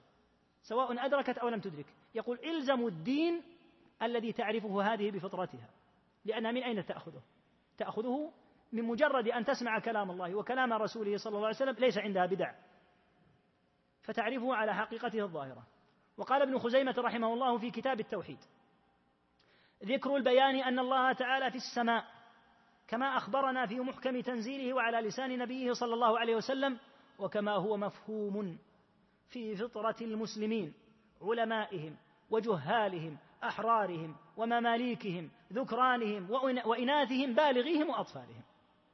وقال الدارمي رحمه الله في رده على الجهمية لما ذكر دلالة النصوص في رد على آه، بشر لما ذكر دلالة النصوص على علو الله وإنكار الجهمية لهذه النصوص قال فظاهر القرآن وباطنه يدل على ما وصفنا من ذلك نستغني فيه بالتنزيل يعني باللفظ يكفي. نستغني فيه بالتنزيل عن التفسير ويعرفه العامة والخاصة إلى قوله. فهذه الأشياء يعني من الصفات التي اقتصصنا في هذا الباب قد خلص علم كثير منها إلى النساء والصبيان. وليس هذا من العلم الذي يشكل على أحد من العامة والخاصة إلا على هذه العصابة الملحدة في آيات الله يعني الجهمية. فتبين لكل منصف أن التفسير المنفي والمعنى المنفي هو تفسير الجهمية الذين اخترعوا معنى. لهذه الصفات غير المعنى الحق الذي يفهمه العالم بل ويفهمه العامي من مجرد مدلول النص. فهذا قطعا لا ينكره أحمد ولا أحد من علماء السنة. إذ كيف ينكرونه؟ وهم يرونه بالأسانيد الصحيحة عن عمر وعن ابن عباس وعن ابن مسعود. هم ينقلون هذا هذا المعنى الصحيح ينقلونه عنهم رضي الله عنهم بالأسانيد فكيف ينكرون المعنى الوارد عن السلف؟ إذا قولهم ولا معنى أي ولا معنى مخترع ومحدث. قد بينت شيئا من هذا في كتاب أو في بحث اسمه حكم اعتقاد العامة عند السلف. وبإذن الله تعالى سأنزله في الموقع قريبا ليستفاد منه. هو عندي من مدة والحاجة إليه كبيرة لأن موضوع الخلط في مراد السلف قد أضاع كثيرين ظنوا أن قول السلف هو قول المفوضة. وإذا جمع كلام السلف مثل الذي ذكرناه يتضح. ونجلي هذا أكثر أيضا. بما رواه قوام السنة وغيره عن أبي عبيد لما ذكر أحاديث الصفات قال هذه أحاديث صحاح حملها أصحاب الحديث والفقهاء بعضهم عن بعض وهي عندنا حق لا شك فيه. ولكن إذا قيل كيف وضع قدمه فيها يعني الرب كيف وضع قدمه في النار؟ حتى قالت قطن قطن إذا قيل كيف وضع قدمه فيها وكيف ضحك قلنا لا نفسر هذا ولا سمعنا أحدا يفسرها. فنفي التفسير أي تفسير الكيفية. كما هو صريح كلام أبي عبيد أن التفسير المنهي المنفي هو تفسير الكيفية ولم يسمع عن السلف قطعا أنهم يفسرون الكيفية. ومن أهم ما ورد عن السلف بيانا لكون معنى هذه النصوص على ظاهره قول شريك. إنما جاءنا بهذه الأحاديث يعني أحاديث الصفات. من جاءنا بالسنن عن رسول الله صلى الله عليه وسلم الصلاة والصيام والزكاة والحج وإنما عرفنا الله بهذه الأحاديث.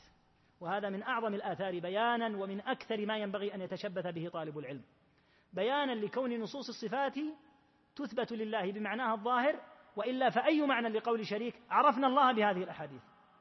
إذا لم يكن لهذه الأحاديث معنى واضح يفهمه العارف بلغة العرب فأنى له أن يعرف الله بهذه الأحاديث وهي غير معروفة المعنى.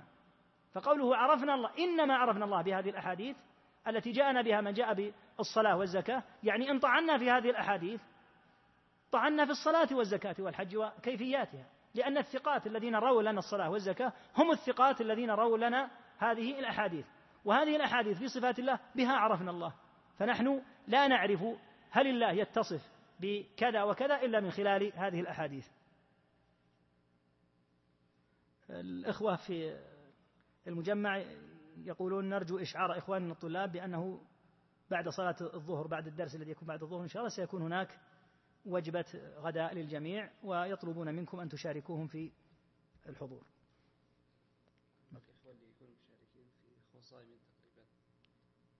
أم أن الكل على كل هم لعلهم يحددوا بعد الصلاة. الصائم لعله يوضح لكم. المقصود أنه سيكون هناك إن شاء الله يعني دعوة من الأخوة جزاهم الله خير ليحضر الجميع لأن إن شاء الله سنواصل بعد الظهر ونستريح لنا نحو الساعة إن شاء الله تعالى ونواصل بعد العصر وبعد المغرب حتى ننتهي إن شاء الله. نعم بعد الأذان إن شاء الله سنواصل إلى الإقامة ثم أيضا نعود بعد الظهر. لعل نصلي الراتبة ثم نعود إن شاء الله. من بقي وقت. على كل ما المقصود بالإطالة التي أطلتها الآن في هذا الكلام؟ الحقيقة أن ضبط طالب العلم لهذه المسألة الخطيرة أهم من شرح كتاب اللمعة كاملا. هذه المسألة خطرة جدا. وقد صنف بعض المفسدين المغرضين كتابا وقدم له القرضاوي وشوش على كثير من طلاب العلم من أهل السنة. وزعموا في هذا الكتاب أن مذهب السلف هو التفويض.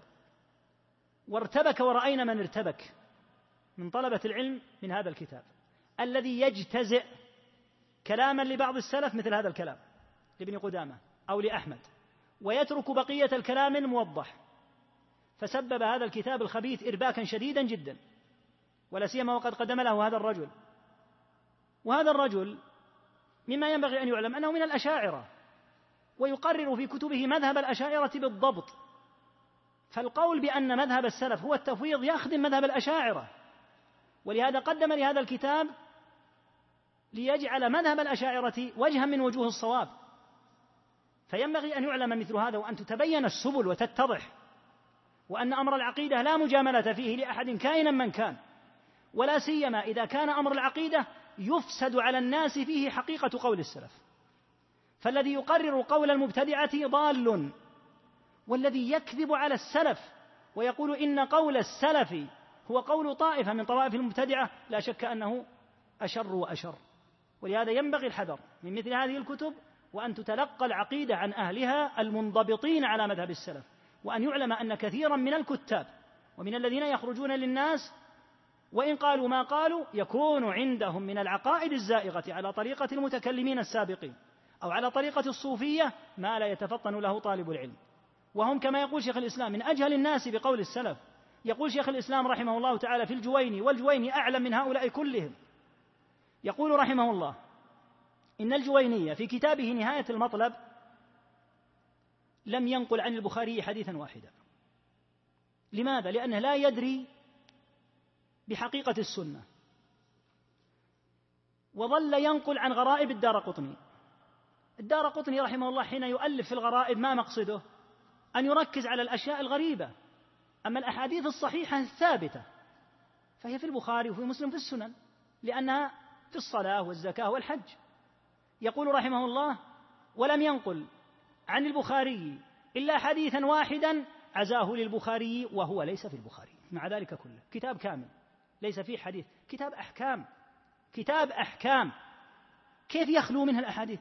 لأن المتكلمين لا يعتنون بالسنة وهذا مما ذكره حتى بعض من يميل إليهم وثمة عجائب وغرائب من جهلهم بالسنة. حتى قال شيخ الإسلام إن بعضهم تتلى عليه الآية فيقول لم يثبت هذا الحديث. يظن الآية حديثا لأنهم ركزوا على الفلسفة وعلى دراستها وعلى طرائق المعتزلة وتأثروا بها وقل علمهم بالسنة جدا وفيه عجائب عجائب من جهلهم بالسنة. فجهلهم بقول السلف وحقيقة قول السلف أشد وأشد ولهذا تجدهم يقولون في كثير من الأحاديث إنها غير متواترة وهي متواترة يقولون غير صحيحة وهي في الصحيحين لا لأنهم يكذبون على النبي صلى الله عليه وسلم لا لا يكذبون على النبي صلى الله عليه وسلم لكن لا يدرون وهذه من البلايا أن يحكي قول السلف من لا يدري بقول السلف ولم يقف على كلام السلف ولو وجدت ولو نظرت في مكتبته لما وجدت في مكتبته كتابا يروي عن السلف. ثم يقول هذا قول السلف. هذا افتراء والواجب أن يبرأ السلف رضي الله تعالى عنهم كما سنأتي إن شاء الله تعالى عند الكلام على موضوع الصحبة. حين شوش الرافضي من فترة على كثير من أهل السنة بالمقابلة التي حصلت. وسيتضح بإذن الله عز وجل وجه كذبه هو وتدليسه بإذن الله عز وجل من كتبه هو بحول الله تعالى. حتى يعلم أن هذه الأمور يا أخوة لا مجاملة فيها. العقيدة لا يجامل فيها. لا فلان ولا غيره لا حاكم ولا محكوم. إذا وصلت المسألة إلى العقيدة فما تم إلا الصدق مع الله عز وجل. لا يقال فلان ولا علان وإلا فالله إن هذا من الخيانة العظيمة. أن يكذب على السلف ونحن نتفرج أو أن يذم الصحابة رضي الله عنهم حتى أحدث ما أحدث من الخلل في أوساط أهل السنة ونحن نتفرج لا والله لا يسكت. وهذا الأمر يجب الوضوح والجلاء فيه. وأن من الكذب العظيم على السلف أن يقال إن مذهبهم هو مذهب المفوضة. وإذا سمعت الكلام الذي قلناه قبل قليل وجمعته مع ما ذكرناه في البحث الذي بإذن الله عز وجل أضحى نزوله كالواجب الآن. لا بد أن ينزل للناس. عرفت أن هؤلاء كذبة يفترون على السلف وأنهم حين يؤولون كلام السلف في مثل هذه الأمور العظام المتعلقة بالعقيدة أنهم يؤولونه ليكون كلامهم هم المبتدع صحيحا لينسبوه إلى السلف وكلام السلف بحمد الله عز وجل جلي واضح. انظر إلى ما نقله ابن جرير عن ابن عباس عن ابن مسعود عن مجاهد عن قتادة عن علماء السلف في نصوص الصفات موجود منقول عنهم كيف يقال إن السلف يقول إن يقولون إن الصفات لا معنى لها. فالحاصل أن الأمر كبير وأن الشأن في هذا عظيم وخطير وعندي أن من أخطر ما يكون على أهل السنة اليوم هاتان المسألتان في العقيدة. مسألة تشويه مذهب السلف والمسألة الثانية الهجمة الرافضية على الصحابة رضي الله عنهم لأنها زعزعت هذه المسألة. والمسألة الثانية زعزعت أناسا وجعلتهم في حال من الخبص وعدم الدراية. وهذا بإذن الله عز وجل ما أرجو أن يجليه هذا ولهذا سنختصر في بعض الكلام الواضح الآتي إن شاء الله عز وجل لأنه جلي تجده في شرح الواسطية وفي غيره لكن بعض المواضع التي تكون كالنازلة يحتاج إلى الكلام فيها أكثر هذا سيجلى. وعندي كان في كلام لقوام السنة رحمه الله موضع لعلي أن أختصر الكلام فيه لأنه في الحقيقة موضع ذكر فيه قوام السنة رحمه الله تعالى كلاما مجملا مثل هذا الكلام. ثم في بقية الصفحات وضح رحمه الله تعالى الكلام بما أزال الإجمال بنفسه. فيأتي بعضهم وينقل بعض كلام قوام السنة ويترك بقيته. على طريقة من يبترون الكلام كما في قوله تعالى فويل للمصلين ولا يكمل. الذين هم عن صلاتهم ساهون. وهذا الفصل هو في قوله في كتابه الحجة كتاب عظيم جدا. الحجة في بيان المحجة قوام السنة الأصبهاني الشافعي رحمه الله من علماء السنة.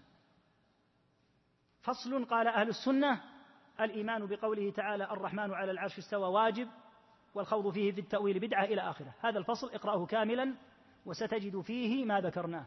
من أنه ذكر كلاما كأنه كلام المفوضة ثم وضح مراده ببقية كلامه كما ذكرنا هنا في موضوع ابن قدامة رحمه الله تعالى ولعلنا إن شاء الله تعالى نكمل بعد الصلاة لأنه السنة الراتبة ما ودنا ما ودنا أن تفوت الإخوة وسنة الظهر كما تعلمون هي أربع ركعات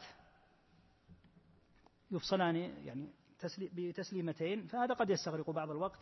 فلعلنا إن شاء الله تعالى نتم بعد الصلاة بإذن الله عز وجل. سبحانك.